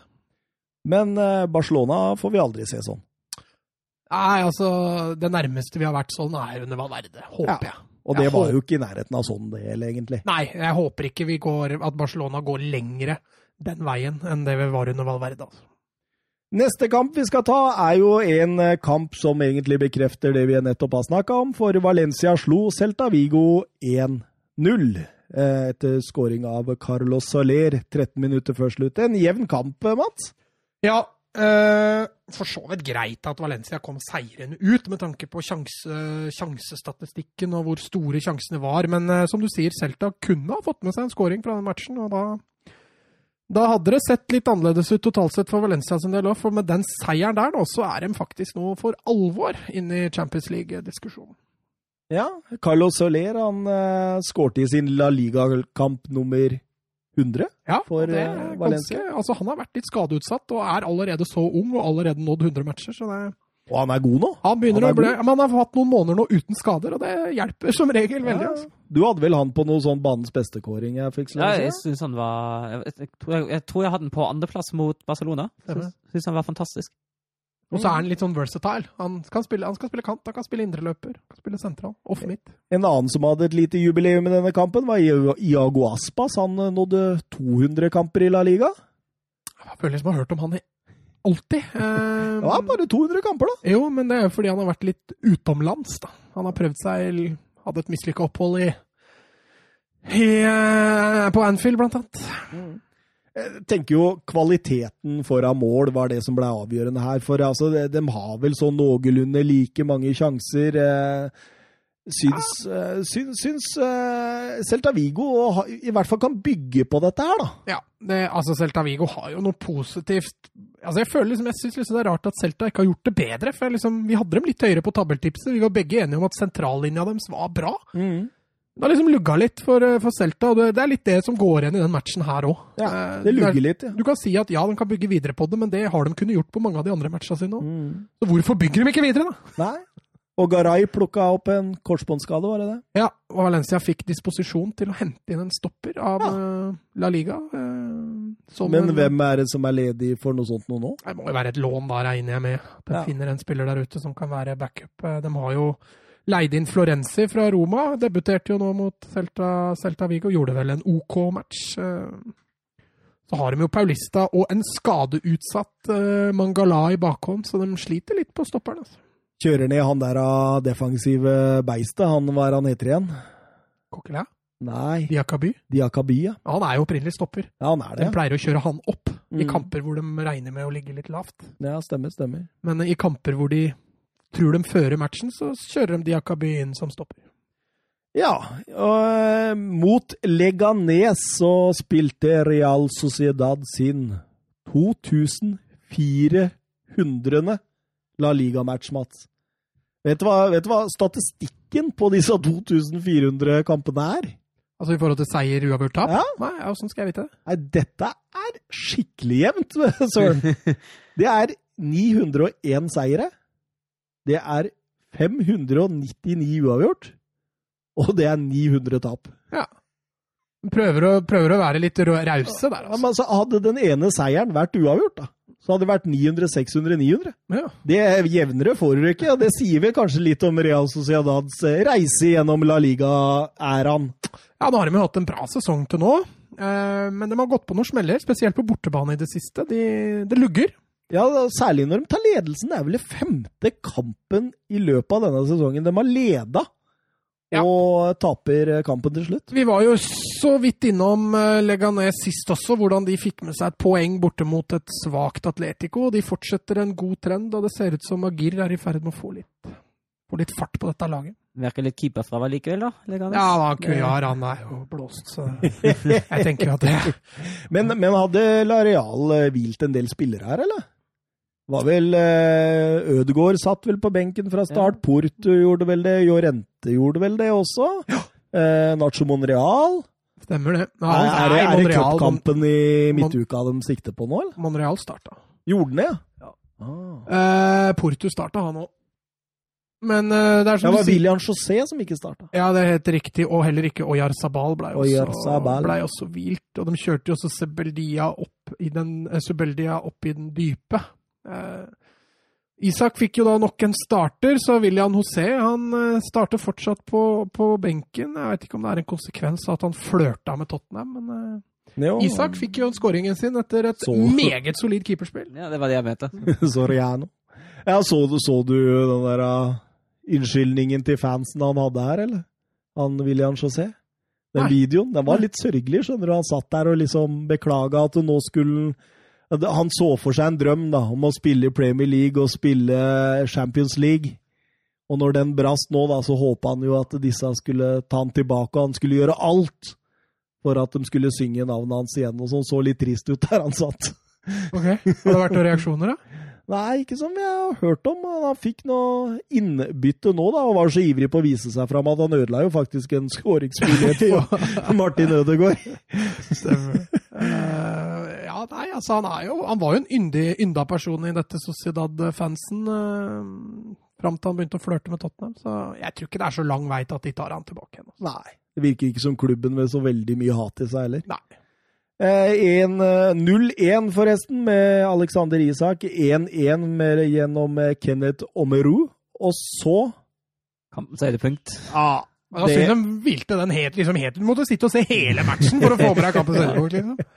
Og for et treff han får, han godeste Rodriges. Er ikke han eh, lånt ut fra Castilla? Jo, stemmer det. Jeg synes Han- jeg fikk med meg det her. Et Han- fantastisk mål, da, Søren! Det er helt nydelig. Det var det vakreste frisparket jeg har sett på lenge. Det er- Fra, altså, fra den distansen opp i det krysset, ja. Det er helt Ja, Altså, han er- dupper på riktig tid, det er Ja. riktig retning på skuddet, hastigheten er, alt Ja. er perfekt. Det er, den, det er nesten det perfekte frisparket, altså. Og fire minutter på overtid, da. Ja, ja, det På 1-1. Ja. Det er liksom, det går ikke an å gjøre bedre. Som innbytter. Og, og på grunn av sånne eh, på grunn av sånne prestasjoner, så kommer det ekstra folk på neste hjemmekamp. Så det er liksom Ja. Eh, Litt grann også om Sevilla mot uh, Alaves. Det var jo ikke voldsomt mye å snakke om uh, den kampen, egentlig. Den tok seg ikke opp før uh, var 20 minutter igjen. Ja, da var det scoring, egentlig. Altså, jeg syns jo Sevilla er jo, er jo det beste laget der ute, men jeg syns de egentlig skaper halvsjanser først og fremst gjennom dødballer. Det er lite spillemessig der. Um, Og de er jo dritheldige som får det straffesparket, og spør Ja. du meg. Uh, der er vi liksom litt opp igjen med det å skyte ballen opp i hendene på, på Men det var litt sånne situasjoner. Var det ikke noe sånt i Tyskland òg? At det ble skutt Jo, i kampen din! Paderborn mot uh, Wolfsburg. Det, da vil ikke noe straffespark der. Det var en utvisning der. Skal jeg føre bra det er altså kampen din. Ja, Nei, det, var, det, var en utvi, det var en utvisning der, men ikke Ja, det straffespark. husker jeg. Var det ikke noe straffe? Jeg husker jeg feil. Nei, han ble i hvert fall skutt opp i hånda der, og det er jo et eh, Ja, det er et strengt straffespark. Altså. Ja, absolutt, men Lucas og Campos han setter nå 1-1 på dette her, han. Ja ja, det, når du først får straffa, så skjønner jeg at du skårer. Jeg, jeg, de jakta jo uh, seieren der. Uh, han satt jo innpå både Suso og uh, Neseri eh, i jakta på tre poeng, men det, det, det ville seg rett og slett ikke. Selv om possession altså det, er, det er vel tredje høyeste possession Sevilla har hatt på hele 2000-tallet. Men når du møter Sevilla, da, så kan du liksom forsvare deg på to måter. Det ene er jo å prøve å stenge av kant- og bekkspillet til Sevilla. Andre er å forsvare seg steinhardt i boksen. Ja. Eh, jeg syns jo for så vidt at Alaves eh, gjør en bra jobb på de, på de to tingene der. Og det er som du sier, Sevilla får jo en del innlegg, men så lenge du er så obs på det de kommer med i boksen, så Ja. er det de mulig lå, å løse. lå jo der i 5-3-2 de og venta på nettopp å stenge disse rommene. Ja, ja. De gjorde det for så vidt veldig greit. De gjorde det vanskelig for Lopetegi. Eh, vi uh, går videre vi til din kamp, Mats, siden du kalte Søren sin uh, din kamp. Barcelona Levante, Mats. Ta oss gjennom. Ja, det er en første gang som Barcelona dominerer egentlig ganske mye, har mye ball. Ansu Fati stjeler vel de store overskriftene med, med Messi som tilrettelegger, så det synger etter. Eh, herlig assist fra Messi på, på Ansu Fati sin 2-0-skåring, og Ansu Fati blir dermed den, første, den yngste spilleren som skårer mer enn ett mål i, i en eh, La Liga-kamp og en eh, jeg kan hoppe til slutten. eh, Levante presser jo bra på slutten. altså Jeg Mm. blir skuffa når jeg ser hvordan Barcelona håndterer de siste timene. Men er de, Ble de kyniske, de òg? Nei, altså det ble ufrivillig er de kynisk. slitne? Er de hovmodige? Altså, undervurderer de? Hva, hva skjer der? Nei, altså den får du jo ikke til Han får jo ikke til å flytte over. Altså Det han gjør, da Han tar jo ut Ansu Fati på slutten og setter inn på Porch. For så vidt veldig hyggelig at Porch får spilletid. Jeg var veldig for at han skulle inn. Eh, Han burde kommet inn kanskje litt før. Eh, og jeg hørte Det er Puig vi snakker om Det er eh, Rikui Puig. Ja. Eh, og så, men jeg hørte dem diskuterte kommentatorene. Jeg liker å høre de engelske kommentatorene. Ja, ja. Jeg syns dem er best. Eh, at, eh, at Arthur kom jo inn først, Mm. istedenfor Rakitic, var det vel? ja. Eller var det Busquets? Jeg husker ikke. Eh, og da snakka de om det at ja, eh, Porch er kanskje den spilleren fansen mest vil se, men i hierarkiet da, så skal Arthur inn først. Mm. Og så skal Porch inn. Ja. Og det, det er en litt sånn interessant vinkling på hvordan du skal gjøre det som trener. da. Ja. Altså Hvis du mangler en spillertype, da, og så kan du ikke sette han inn fordi Nei, hierarkiet tilsier at han skal inn først. Mm. Det, det Men tror jeg, du det er noe vanlig i europeiske jeg håper jo Jeg tror egentlig ikke det. Det er, det ikke er, det. men i Barcelona er det tydeligvis et er hierarki. det er Ja, Messi på topp, og så Ja, ja. går det nedover. Det er et hierarki, og, og det var bare å følge det. Og da fikk Pooch bare de minuttene på slutten, men I Barcelona så er det Messi, treneren, og så neste spiller. Og så presidenten. Nei, presidenten er før treneren. Han er før treneren, men er etter treneren. Messi. Etter Messi er før, over presidenten nå. Han Han bestemmer. Eh, nei, så Men som, eh, som du sier på slutten der, Søren dem, Jeg tror nok også de slakka litt på tempo, for du så Barcelona dalte veldig. Ja, siste Og sett igjen har jo uttalt etter kampen her at han var svært misfornøyd med de siste 45. Ja, Svært misfornøyd. Men det var litt det jeg sa i forrige, forrige podkast også, at uh, det går rykter på at Barcelona-spillere er veldig slitne under 71, for han kjører spillere mye hardere. Eh, og da er det kanskje på sin plass at inntil dette her blir satt skikkelig på, på plass, at eh, Barca vil slite mot slutten av omgangene, for å, de har ikke overskudd, rett og slett. Et uh, Twitter-spørsmål fra Jonathan Hobber. Burde Ter Stegen tatt målet fra Roshina eller Veso? Eh, hvem skårte det? Hvem ble tildelt det? Det ble Roshina, tror jeg. Ja, det ble Det var han som toucha ballen. Selv om Veso er borti den? Nei, var det Veso? Ja, da var det Veso som ble tildelt den. Ja, ok. Ja. mm. Ja. Kjør debatt. Det er jo åpenbart at han har hørt eh, episode 44 her. Mm. eh, Da vi diskuterte litt litt Terstegen. Ter Stegen. Hva, hva tenker dere? Søren, du er keeper. Ja, altså Jeg det, orker ikke en ny sånn diskusjon. Nei, det er jo det altså, er så urimelig at den, det, er jo, det er jo en uh, det, Han ser jo ikke heldig ut, det, det må jo sies. Det er jo et langskritt, men det er Nei, jo den touchen! Ja, det er akkurat det. Det, det var det jeg skulle til. Det er jo, det er jo en Men, men i bilen, Søren, så var du klar på at du syntes det var en keeper sa- jeg, jeg, jeg, jeg sa litt mer tilbøyelig nå enn en forrige gang. Ja, ok, ok. Um, Nei, Jeg er ikke tilbøyelig. Det Nei, du, du, du. Men, det men det er jo som jeg sa til deg forrige gang, at du Altså, Jo, men vet Stegen, hva, han, jeg er kan, tilbøyelig. han kan ta en Bjarte Flem han, og kaste ballen Ja, altså, i jeg mål. det er- hadde jo ingen andre å det er kaste godt, til! det er godt Jeg, keeperspill. men, jeg, mener, jeg mener ikke at det er en keepertabbe, men jeg mener, jeg mener at, det er, at det er litt sånn dårlig keeperspill i deg. Det, det Jeg, jeg sa det vel bra forrige gang. Det er forskjell mellom en keepertabbe og veldig godt keeperspill. Ja, og den, den kan jeg være enig i. Eh, han Altså Om man sier han burde tatt den, altså det, det er veldig vanskelig å svare ja eller nei på. for Men kunne ha tatt den, han kunne ha tatt den. Eh, Men når vi satt i bilen skjønner du, i stad, jeg og Søren, Ja. så var det egentlig jeg som var, forsvarte Terstegen mest på den. Ja. Fordi jeg, jeg syns at den retningsforandringen eh, har en del å si for Ter ja, Stegen. ja, selvfølgelig har han det. Ja. Pluss etterpå han reagerer med at det er offside. Mm. Eh, det er jo selvfølgelig langt ifra. Så. Men jeg satt og skrev i notatene mine når det skjedde. Mm. Og da, da, da begynte jeg å le, for det, da s- først så, så det ut som en klink keepertabbe. Så det, jeg hadde jo lyst til å skrive inn på gruppa vår og sånn, så dere Stegen, liksom. Men, eh, men så så jeg jo reprisa, da, og da tenkte jeg ja, nei, jeg skal ikke kjøre det. Nei. Jeg skal ikke gjøre det. Eh, vi eh, rusler videre til eh, Borussia Dortmund mot Union Berlin. Og vi kan jo bare kjøre rett på et Twitter-spørsmål fra Didrik Tofte Nilsen. Han er vant til å stille spørsmål om Borussia Dortmund for tida, Søren. Ja, han har nok det. Eh, fortsetter jeg. Brautegutt Haaland, står det. Brauten. Eh, blanding av Lewandowski og Aubameyang, sa Subotic etter kampen. Står ikke tilbake for noen av de. Hva tenker dere?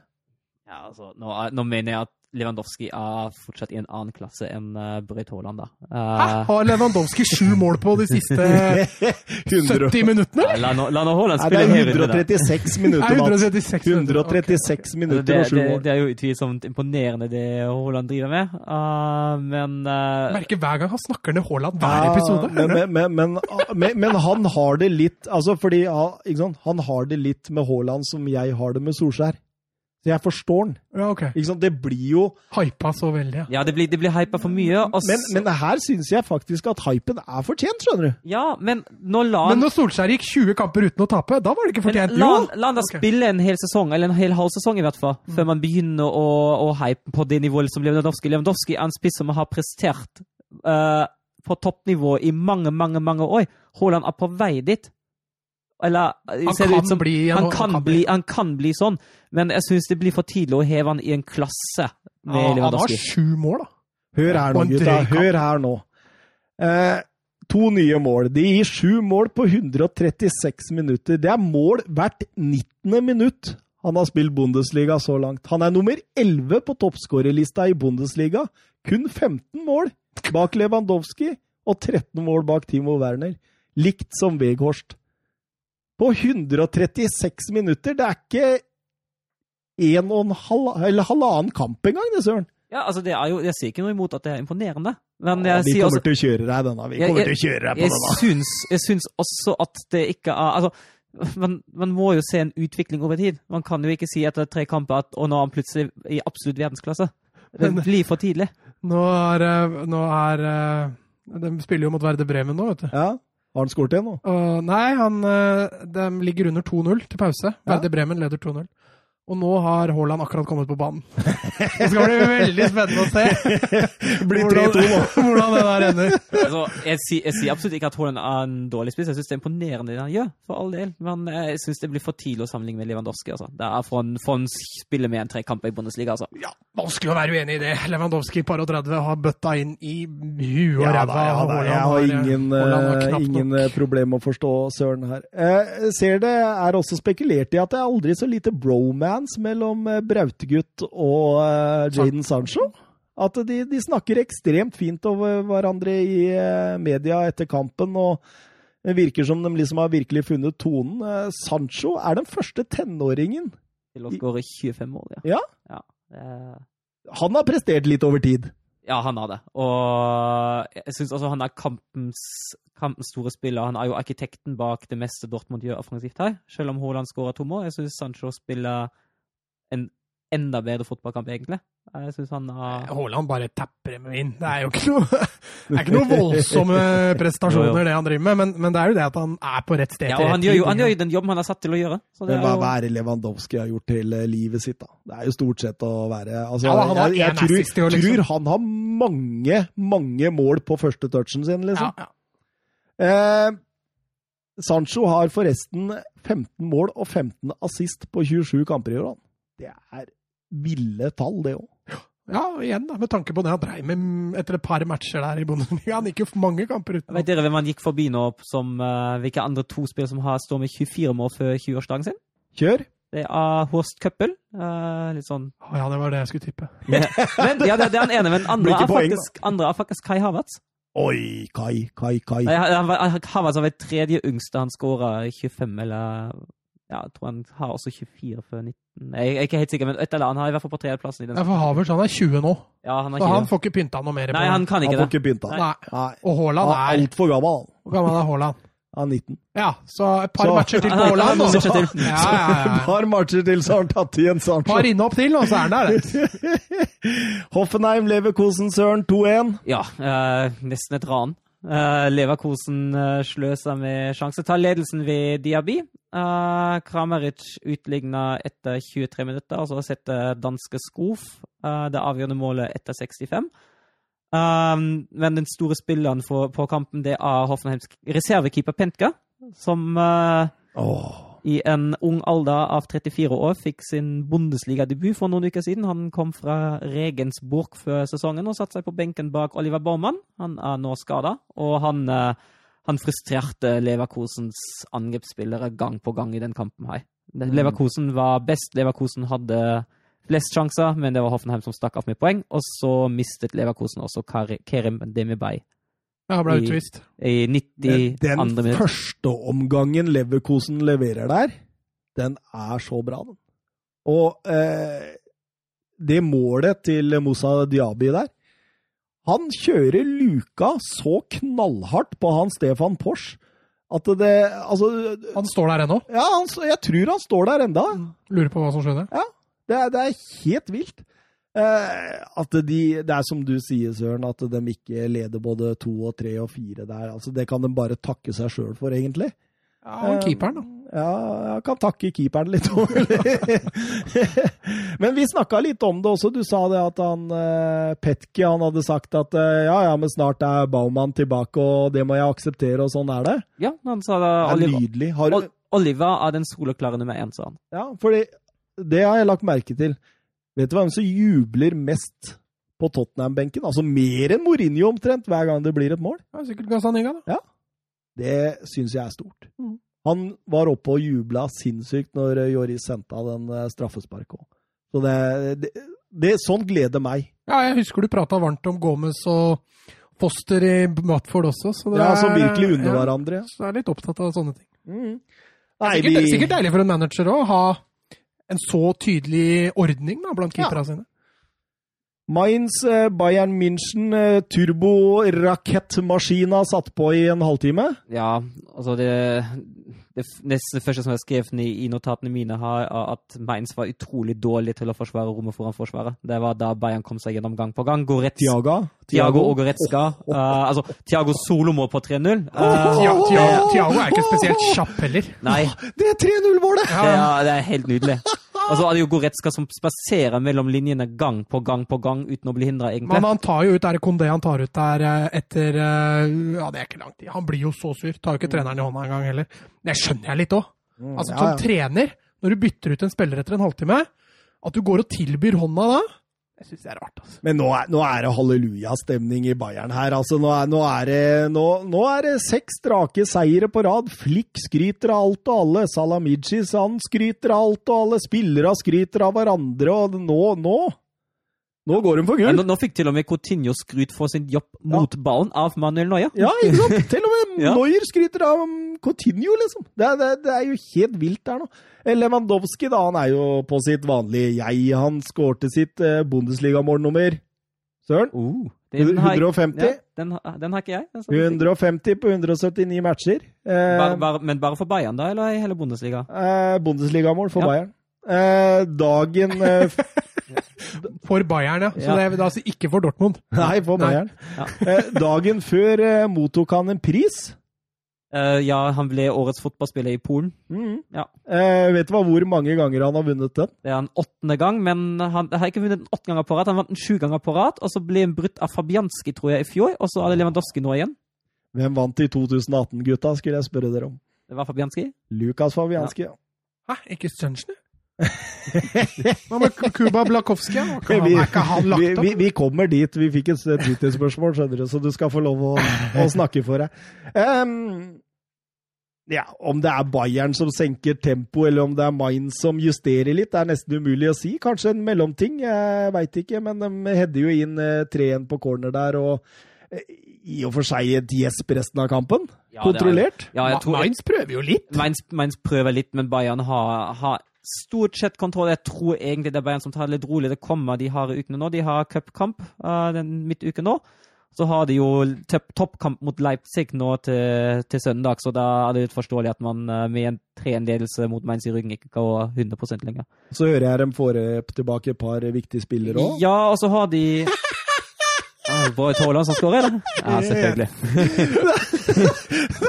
det er helt sykt. så sinnssykt! For, for de som ikke så dette nå, så har jo Erling Braut Haaland satt 2-1 der. Nå kommer 2-2 og 3-2. Eh, 20 minutter igjen av matchen, så Oi, oi, oi! Altså, men ja, det kommer noen spillere tilbake i Bayern, men samtidig er det nå vel ankelbrudd på Ivan Perisic, som har vært god de Det Jeg har kampene. ingenting å si, tror jeg. du, er, du er kjempefan av Perisic. jeg, altså. jeg, jeg, jeg, jeg er fan. Jeg er Perisic største fan. Hører det? Eh, RB Leipzig, eh, Borussia München, Gladbach eh, to Heter det Bach eller Bach? Bach, München Gladbach Kan du si det, eller, Mats? Bach. Ja, du er feil. Johan Sebastian Bach. Eh, ja, Bach. Han har spist på Leipzig, han. Ja, stemmer det. Skåra han, eller? Har du skåra? Ja, eh, taktisk duell mellom to av Europas mest spennende trenere, har jeg skrevet her. Ja, og den eh, i første omgang vinner Rose den soleklart. Ja, han gjør det. Ja, han han gjør utmanøvrerer eh, Men, men, men jeg syns Nagelsmann og Leipzig sliter i flere av førsteomgangene Ja, det- eh, det- etter ferien, altså. Ja. Ja, absolutt. Eh, Leipzig sleit voldsomt med et høyt press, og ikke minst altså, farta, kontringsstyrken og poweren til Turam. Turam var fantastisk i den første omgangen. Ja, det er jo han som er arkitekten bak 1-0-målet, uten tvil. Det er jo håndballrulle med vri, vil jeg kalle det der. Ja. For det, de, de kjører en håndballrulle, og så tilbake igjen til Ja, Plea som med setter vri. Ja, med Ja. vri. Ja, ny, nydelig framspilt, uh, framspilt 1-0-mål. Uh, og legger Nydelig framspilt uh, 2-0-mål òg. Ja, men ikke akkurat Glattbach. Det er jo uh, godeste uh, Klostermann. Klostermann som spiller en horribel passing på Neuhaus, som nå, som vi snakket om forrige gang, uh, nå får han uh, fikk starte. Fikk starte, fikk tillit i Start 11. Gjorde en uh, ålreit kamp, syns jeg, sentralt på midten. Uh, mister jo Kristoff Kramer tidlig etter en duell med Timo Werner. Uh, enda en hodesmell for ham.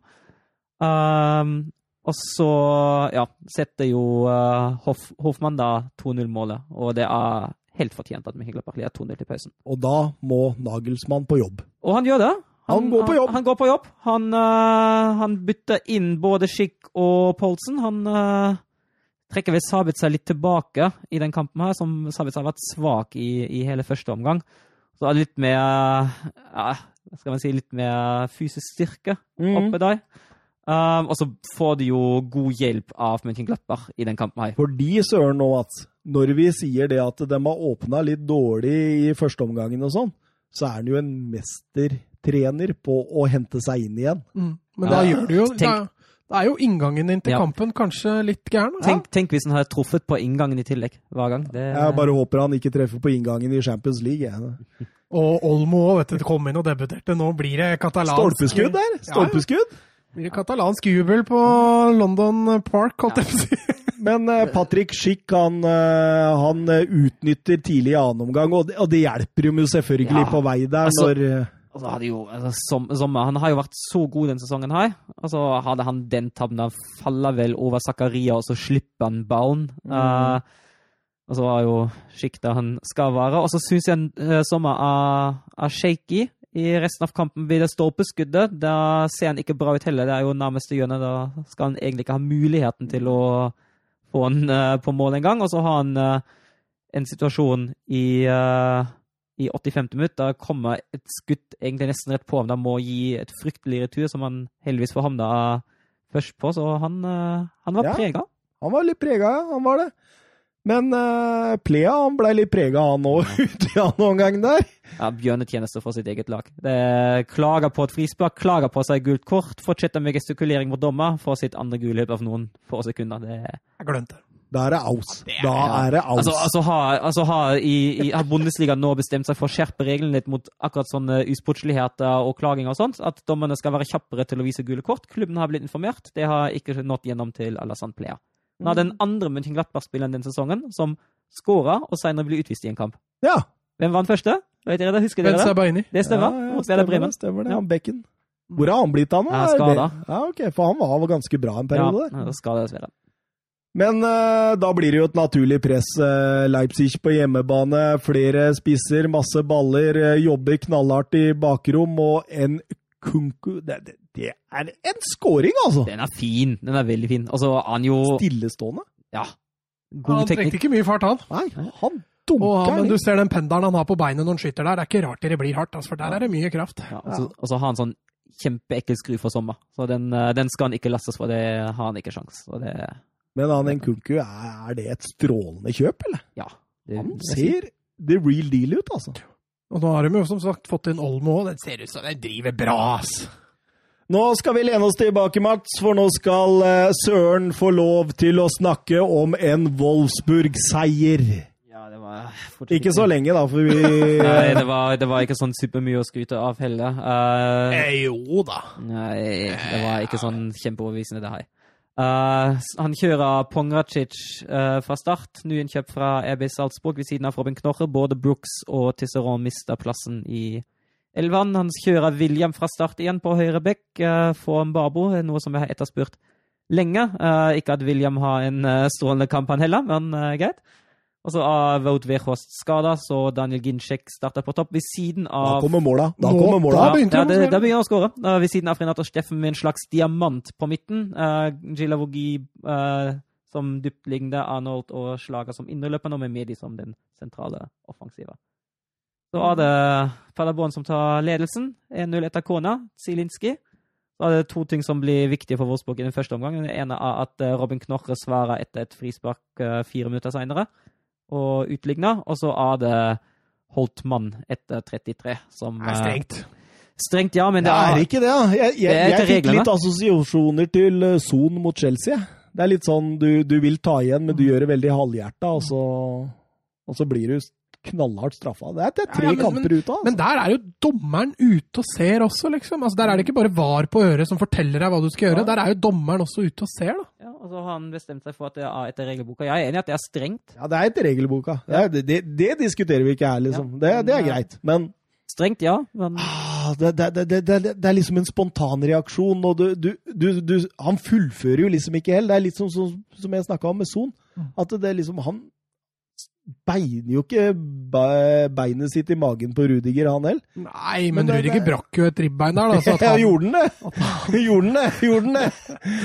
han fikk vondt, det skjønner jeg. Nei. Nei, jeg er enig. Det var, eh, det var, litt, det var litt strengt. Og det forandrer jo kampen for Paderborn de luxe. Ja, og det, det er jo Altså, jeg tror Wolfsburg skal slite i den her mot, uh, mot Ellemann. Det er jo Det større rommet utnytter jo slaget av Ginchek rett før pausen, da Ginchek setter, setter sitt første. Så er det Ginchek etter en time igjen eh, til 3-1 etter et eh, godt innlegg av Roussillon, som Steffen ligger tilbake. Og så tror man jo egentlig at dette har, ja, det går greit nå mot timene, men eh, det blir jo ikke så lett. Wolfsburg er Wolfsburg! Ja.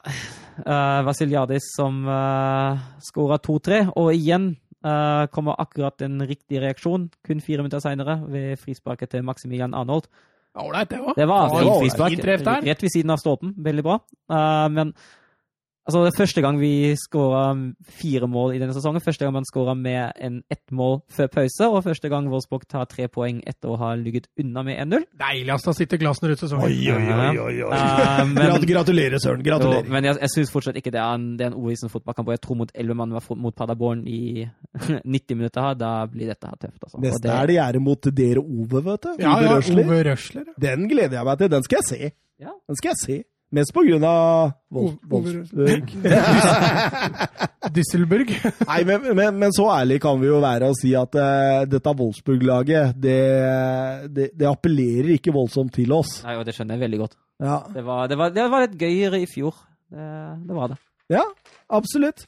Nei, vi må rulle videre, og vi ruller videre til Serie A, der Sassolo møtte Roma. Og eh, Edin Cheko han var ikke helt fornøyd med lagkameratene sine etter den kampen. Rett og slett hinta til dårlig innsats. Ja, men den første gangen av Sassolo, fytti rakkeren, og de sparka fra seg Ja, eh, Det var knallbra! Ja. Altså, greit, Roma var slappe i presset og dårlig i returløpa, men Sassolo de var påskrudd, altså.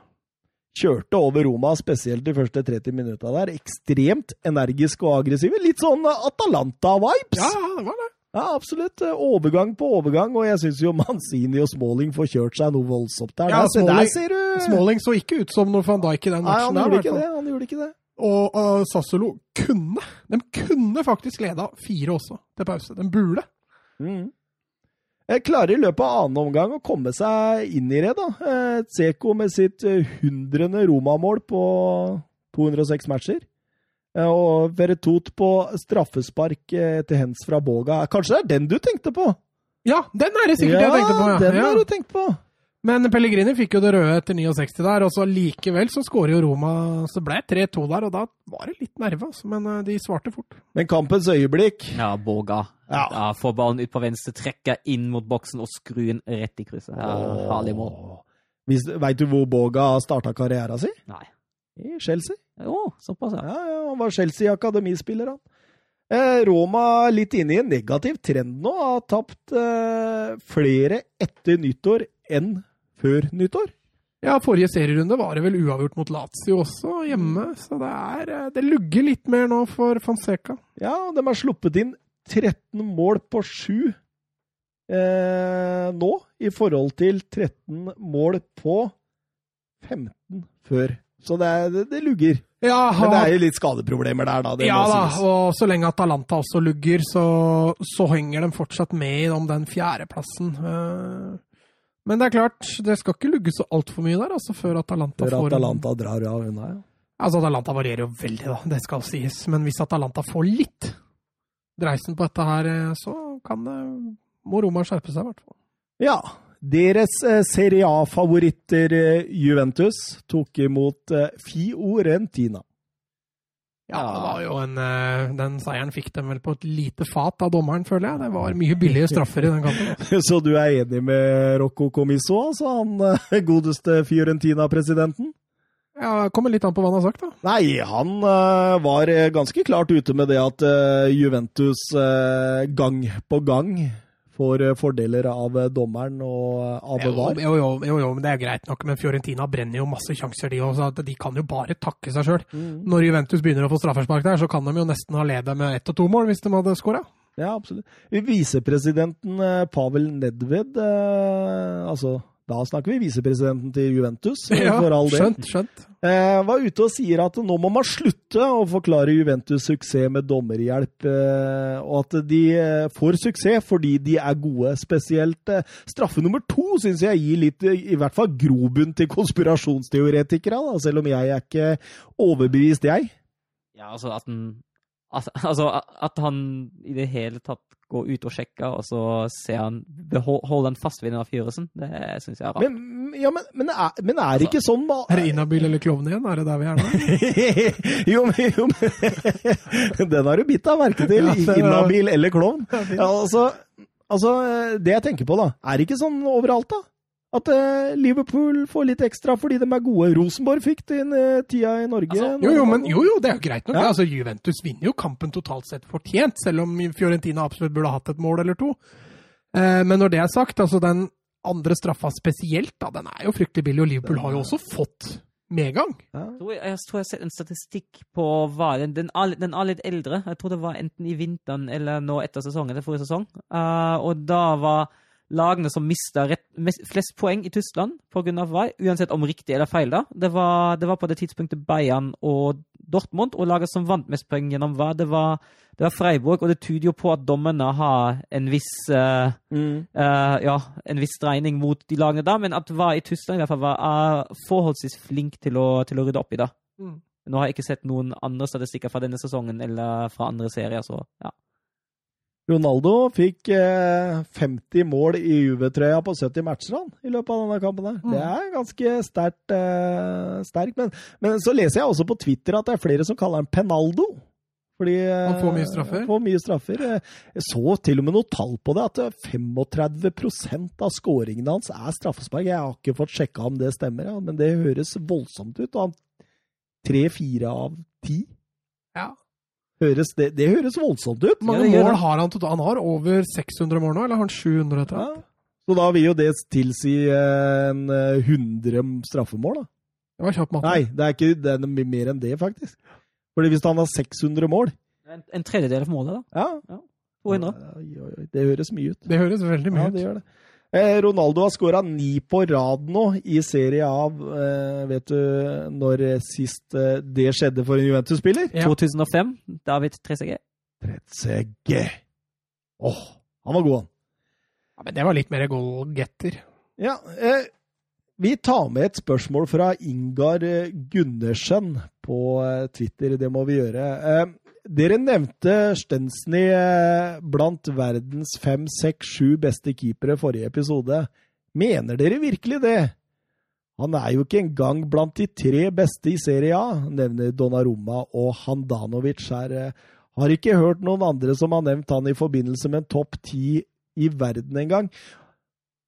Ja, altså Svaret mitt her er jo det at vi har vel kanskje sikta Altså, vi, vi snakka litt om det spørsmålet, jeg og Søren, i bilen. og Vi har nok sikta litt høyt, men vi har tenkt først og fremst på denne sesongen. Ja, altså Denne sesongen Han har jo redda Juventus flere ganger. Vært veldig bra denne sesongen. Denne sesongen, Og at han er topp tre i Serie A denne sesongen, det står jeg inne for.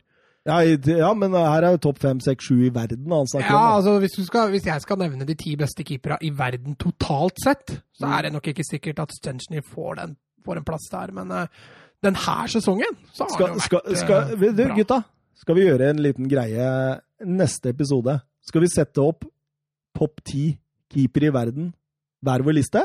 Totalt sett. Totalt sett. altså Da tenker vi ikke bare på denne sesongen, men vi tenker på kanskje et perspektiv på en fem, seks, sju sesonger. Mm. Og så ser vi hvor lik de listene blir, eventuelt hvor ulike de listene blir. Skal vi ta en liten hjemmelekse på det? Ja, det er fint, det. Men eh, jeg skjønner Gundersen at han kan eh, reagere her, fordi eh, Altså, Stensny er jo ikke en klassisk uh, keeper som vi nevner i verdensklasseskalaen, og jeg er også enig i at uh, i hvert fall Handanovic er bedre. Uh, Donnarumma, han Ja, Han har jo variert litt, han, han. da. varierer litt, men fortsatt god. Og, og hvis vi nevner Stensny, så kunne vi nevnt Donnarumma. Ja. Da kunne vi også nevnt 15-20 andre keepere i verden. Så uh, Ja, nei, vi tar den. Jeg føler vi tar den, altså. Er du enig, eller? Ja. Mm. Eh, nei, vi får gå videre eh, i Serie A, og da går vi til eh, Atalanta mot Genoa. Det blei 2-2, det. Genoa-trener Davide Nicolas han sa, var veldig fornøyd med ett poeng fra Bergamo, og sa at det var en nytelse å se Atalanta spille fotball. Det er et godt skussmål fra motstanderens trener. Ja.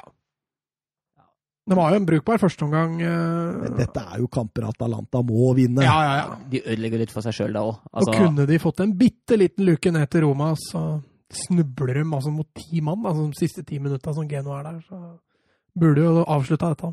Altså, både Hadde Boe som lager den straffen, det er helt unødvendig, og det er Ron som uh, roter bort ballen for 1-2. Altså, det, er- det, er jo- det er jo litt Det sånn er personlige feil. Ja, det er sånne feil som ikke må skje. Det, Mm, ja. Absolutt. Og, og jeg tenker jo på utover i annen omgang òg, hvor altså Gåsens, Gomez, Zapata, Muriel Jeg kunne nevnt halve laget som har store sjanser, og, og setter dem ikke. Så det var, det var litt ineffektivt. Det var litt eh, Og de slapp jo Genova ganske greit til der, som du er inne på i første omgang. Jeg syns jo begge mot, eh, måla Genova har, er jo Skal jo være greie å Og klarert rydda unna, ja. Mm.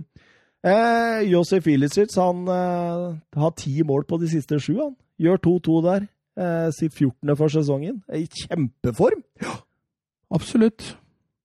Eh, Spiller bra òg. ja. Det er gøy å se på i hvert fall i første omgang. Så. Og så kan vi jo, når vi har vært inne på keepere, kan vi jo li litt skussmål til den meget ustabile Perin. Jeg syns han var meget bra i denne kampen. Er er han som er fra Juve.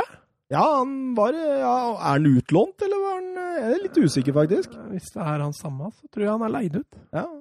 Jeg husker han eh, var henta til Juve her i sin eh, tid, ja. I hvert fall. Driver du og sjekker opp, eller? Ja, jeg trykka på se om jeg- se om jeg finner et svar på det. Det står ikke noe Lazio mot Spal. Vi bare går videre, vi, mens Mats driver og trøkker. Det står Eh, bare nåværende lag Genoa, altså. Men jeg kan gå inn på Ja. Transfermarkt og se. Lazio gjorde kort prosess på Spal, kan man si, hjemme på Stadio Olympico. Han er på lån. Ja, på lånet. Kampen var jo avgjort etter ja, hvor mye var det? 30 minutter, i hvert fall. Eh, Fire minutter pausen, 3-0 etter 30. Så er det jo Immobile og Caicedo som får lekt seg litt på topp. Særlig den, eh, den andre skåringa Immobile har, den er det klasse over, syns jeg. Den er nydelig. De ødelegger jo spallforsvaret der, disse to, eh, Caicedo og Immobile. Det var jo altså det var litt artigere å se på Lazio igjen i, dag, i den matchen enn den forrige kampen mot Roma, for det var, det var triste greier. Det er litt sånn der, samme som Roma hvordan de varierer, og Atalanta, hvordan det varierer så veldig mellom. Men, men Lazio drar jo inn trepoengere og ettpoengere i de kampene hvor de også sliter, og det gjør ikke Atalanta og Roma. så Det er derfor Lazio ligger mye høyere på tommelen. Så Alessandro Moggi nå var ute og hylla sin eh, elev, om man kan kalle det det, eh, som Europas beste angrepsspiller. Eh, skåret sesongens 24. og 25. mål. Gjør at han også rykker ifra Higuain om Serie A-toppskårer de siste ti sesongene. Han har 124, mens Higuain har 122. Er det noen sjanse for at Higuain kan komme tilbake på den, eller? Nei! Det er ikke det. Altså. Immobile drar vi bare enda mer fra, for det har blitt en målskårer. Men er han verdens beste spiss? Nei. Nei. Nei. Nei. Han, han, det er vel en sånn typisk spiller som lever ekstremt godt av system, tenker jeg. Ja. Og jeg tror han eh, Hadde du satt Altså, men- han i Manchester United, så hadde han ikke skåret uh, Nei, men Det ser du jo også på han. Altså, han var i Dortmund, det Ja, gikk det fungerte eh, ikke det heller dårlig. Han var i Sevilla, det funka heller dårlig. Han har jo vært og prøvd litt rundt, og, men i Lazio så har han virkelig blomstra. Mm, absolutt. Eh, Immobile, som sagt, 25 mål på 21 kamper. Nei, vi, vi kan jo ta oss hatten. Ja, den har, den har jeg aldri Har, har ikke hatt den på heller. Nei, nei. Har ikke skjedd i Serie A siden uh, Anton uh, Valentin Agelle, Agillo. Eh, det var i 1959. Dette er stats jeg har funnet. Jeg har ikke, Det var ikke ting du- har ikke tatt det Det var ikke noe du huska. Eh, annen omgang blir jo en parademarsj. eh, Nederlandske Bobby Adekanye. Han eh, kommer inn for Caicedo og setter sitt første Serie A-mål eh, i karrieren. Eh, før Simone Miseroli gir Spal et lite trøstemål. Dette, dette var eh, rett og slett en eh, meget god kamp, og Lazio befester sin posisjon som en utfordrer til disse to andre vi har snakka så mye om. Ja, det er fortsatt bare to poeng. Alle de tre, ja vi skal vel innom Inter, men alle tre lagene foran vant jo nå. Lazio er jo fortsatt da bare to poeng bak Inter og, og fem poeng bak Juve, så de henger absolutt med. Litt Milan også. Milan mot Hellas Verona. Jeg syns eh, Milan var litt tilbake i gamle takter. Ja, ikke positivt ment. Nei, nei, det er jo nettopp det jeg mener. Jeg fortsatt i 4-4-2 uten Zlatan denne gangen, som var sjuk.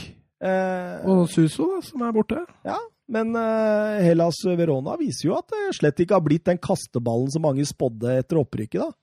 Eh, har, har, var jo virkelig med i denne kampen. Jeg synes, altså, Theo Hernandez er bra.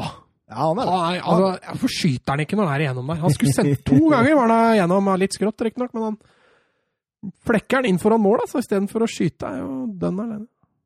Hva er det du Er det Haaland igjen, eller? Nei, det er Giovanni Reina har også skåra for Dortmund nå. Ja. Det første mål. Altså, Men Bremen leder 3-2 Ja. med fem minutter over igjen. Det er sikkert Milo til Rasica som har skåret for det stemmer. Tre mål, der. Han skåra tre? Nei, har skåra 3-1-målet.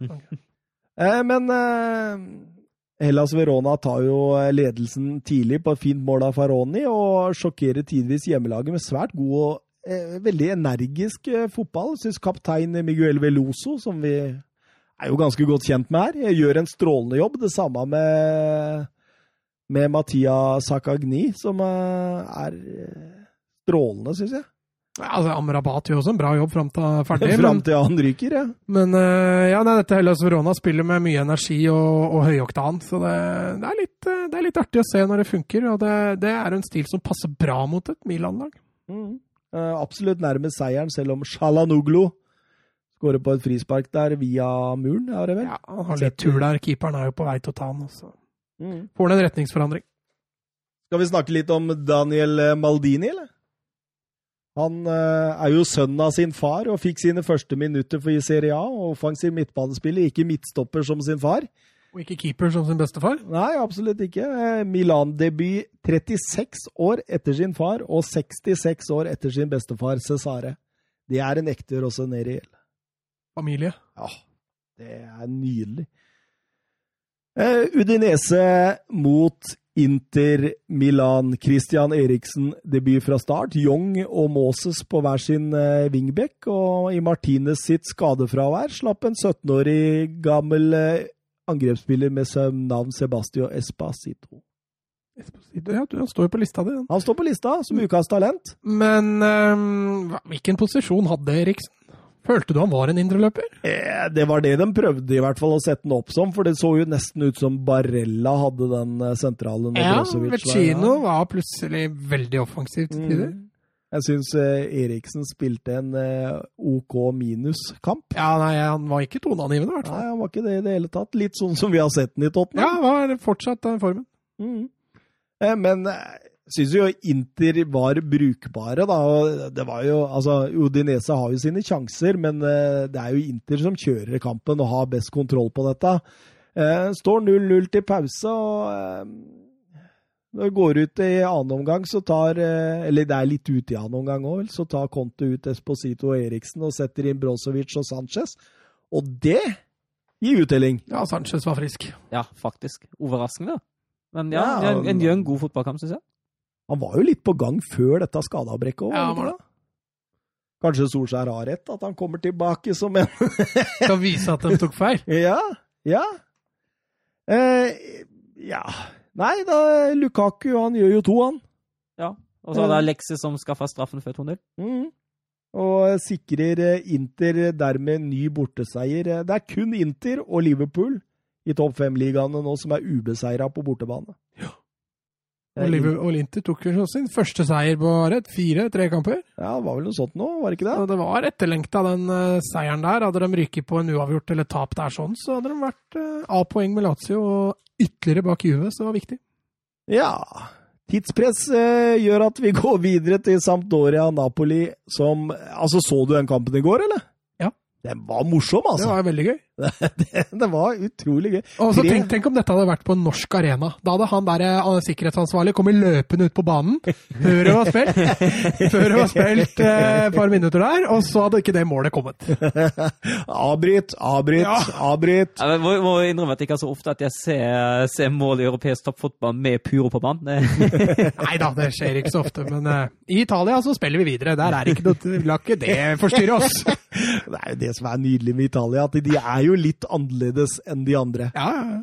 Eh, tre strake Napoli-seire nå. To i Serie A og én i Coppa Italia. Det var jo 1-0 mot Lazio. Har vi undervurdert Gassoso, eller er laget så bra på papiret nå at, eh, at Men, eh, de vil komme gode perioder uansett? sa, spurte ikke jeg deg i forrige podkast om dette var starten på Gattuso-æraen? Ja. Vi var jo begge enige om at eh, Nei, nei, Nei, nei, nei. nei. nei, nei, nei. Men, skal, eh, skal vi si nei, nei, nei nå, nå eller? men vi må kanskje, kanskje bite litt i oss. Men det er som du sier, Napoli har jo et såpass bra lag at de er jo nødt til å vinne noen kamper. De er jo det. Veldig morsom fotballkamp, som sagt. Bølga fra side til side. Napoli mest ball, men Sampdoria var alltid farlig framover. Golden til Quagliarella. Ja. Åh, Oi, oi, oi, oi, treff, da. Det var fantastisk. Eh, Før det så hadde jo Milik og Elmas eh, gitt Napoli en tidlig 0-2-ledelse. 2-2 kom på straffespark. Eh, Manola som sparker ned Cagarella. ja. Det, den er soleklar, og Cagarella må gå av med skade. Får håpe for Sampdoria som del at det ikke er langvarig. Fortsatt god, han der gamle Ja, Fjorårets toppskårer, det, i serien. Ja, ja. Jeg har ikke fått like god uttelling i år, men Nei, Men bidrar. Ja, absolutt. Og da, da ligger jo, etter Gabbiadini setter den 2-2, så ligger jo kappen og vipper Ja. eh, voldsomt før eh, Diego Dem Diego Dem, gjør. setter eh, 2-3 der, og Mertens eh, 2-4 på overtid. ja, vi Ja. både Demme og Elmas som fikk sin skåringsdebut for Napoli den kampen der. Så, ja, og Ja, Elmas ble jo rimelig glad òg. Ja, han han, gråt jo. han gråt faktisk. ja, og dem er jo absolutt ikke kjent. Du nevnte jo i bilen, han er jo ikke kjent for Han har vel ett mål i sin profesjonelle karriere. Ja, for, for. RB Leipzig. Ja, eh, ikke kjent for å være en målskårer, for å si det mildt. Men uh, Mertens sitt mål, det er vel bare å sende et takkekort i retning av han keeperen, eller? Ja, takkekort i lange baner, men uh, Diego Dem Vet du hva? Sist gang det var en Diego som skårte for Napoli, det var Diego Armando. Maradona. Så langt tilbake nå som i mars 91 mot Sampdoria. Var det mot Sampdoria? Ja, På bortebane, eller? Det har jeg ikke helt kontroll på. Uh, ukas talent, vi må bare kjøre videre. Nei, vi har forresten et uh, Twitter-spørsmål. Fra godeste Sander Midtstuen, har vi det. Der står det 1 3240 på episode 223 av Fotballuka. Har dere noen kommentar? Ja, jeg hva, hva, måtte jo hva er fotballuka? Eh, eh, var, var- det den jeg var gjest i eh, en gang her? Eh, Kan godt stemme. Jeg hører ikke på andre podkastere. Nei, jeg husker ikke. Har du hørt om fotballuka, Søren? Det høres ikke sånn superkjent ut, altså. Jeg veit ikke. Nei, jeg veit ikke. Er det noe Er det noe Det er vel kanskje en sånn preparation på hva slags fotball som kommer til uka, da. ja, Jeg vet ikke. ja, ja. Nei, jeg, jeg veit ikke. Vi må kanskje høre, høre på dette greiene her, da. Ja, vi får gå Vi må inn bare se hva det er. Jeg aner ikke, altså. Eh, hva de driver og sier der om oss. Eh, det må jo være noe, tror du ikke det? Et eller annet må det være. Ja, nei. nei. Eh, ukas talent, gutta. Eh, skal jeg begynne, eller? begynne. Ja. Jeg har eh, Ansu Fati. Har dere hørt om han, eller? Nei, aldri før. Har du tatt Ansu Fati? Ja, Han er jo bare 17 år. Jo, men du skulle ikke ta kjente talenter? Er han kjent? Jeg bare tuller. Jeg har Kasper eh, Kaslovski. Ja, ja, hørt om han, han, han, Det har jeg faktisk ikke hørt om Isla Ja, Wisla Krakow. Lech Poznan. Legia Warszawa. Han er født eh, Altså, nå er det mye polske navn her, så jeg må holde tunga rett i munnen her. Har du noe musikk? Det er sikkert så dårlig, vet du. Født 16. oktober 2003. Det gjør han til 16 år. Han er født i Kos Ailin, som er en by helt nord i Polen. Eh, Ca. 100 000 eh, tilskuere, holdt jeg på å si. det. Og såpass, ja. Alle, alle går på kamp. 100 000 innbyggere der. Posisjon midtbane, klubb eh, Pogon Shenzhen. Shenzhen? Han spiller i Kina. Jeg, jeg, jeg vet, Det var en lang, gammel skolevenninne av meg som studerte fysioterapi der nede. Og jeg lurte alltid på åssen det der, der blei sagt. Det, Hør det, med, det, hør med han halve ja, polakken. du, du som er sånn halvveis polakk. Søren, Søren Kubelowski kan gjøre det.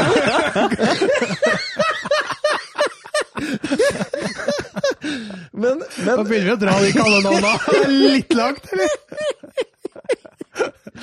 Jeg har jo sagt at vi kan kalle den hva vi vil. Men S-Z-C-Z-E-C-C-I-N Snesni? Jeg vet ikke. Vi, vi kaller den klubben Pågåen, vi. Ja, det, det, er- det er jeg med på, altså. Ja, De er på tredjeplass, i hvert fall, i polsk eh, serie As We Speak. Han kom til Pågåen fra mm, Baltic. eh, Det var, eh, da var han vel 12-13 år gammel.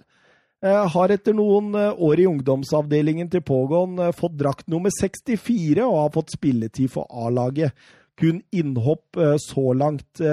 Fikk debuten sin som 15-åring. altså Han var 15 år og 215 dager. Eh, da han spilte i 1-1-kampen mot Gorsnik Shabreze. Han har eh, bøttet i bøttevis med aldersbestemte kamper for Polen. Eh, U17 eh, as we speak. Mange sammenligner han med Bastian Schweinsteiger. Ah. Eh, Gode pasninger, bra teknikk, eh, ballkontroll. eh, Han, et, han er taklingssterk, robust type, intelligens og e- ekstrem skuddfot. Klubber fra Italia og Tyskland skal visstnok følge han allerede, men klubben som nevnes hyppigst av de linksa jeg har sett, er selveste Manchester United. En typisk sånn boks-til-boks-spiller, allround midtbanespiller. Eh, veldig, eh, veldig god til også å diktere tempo. Han, jeg syns han er så voksen i spillestilen for å være 16 år.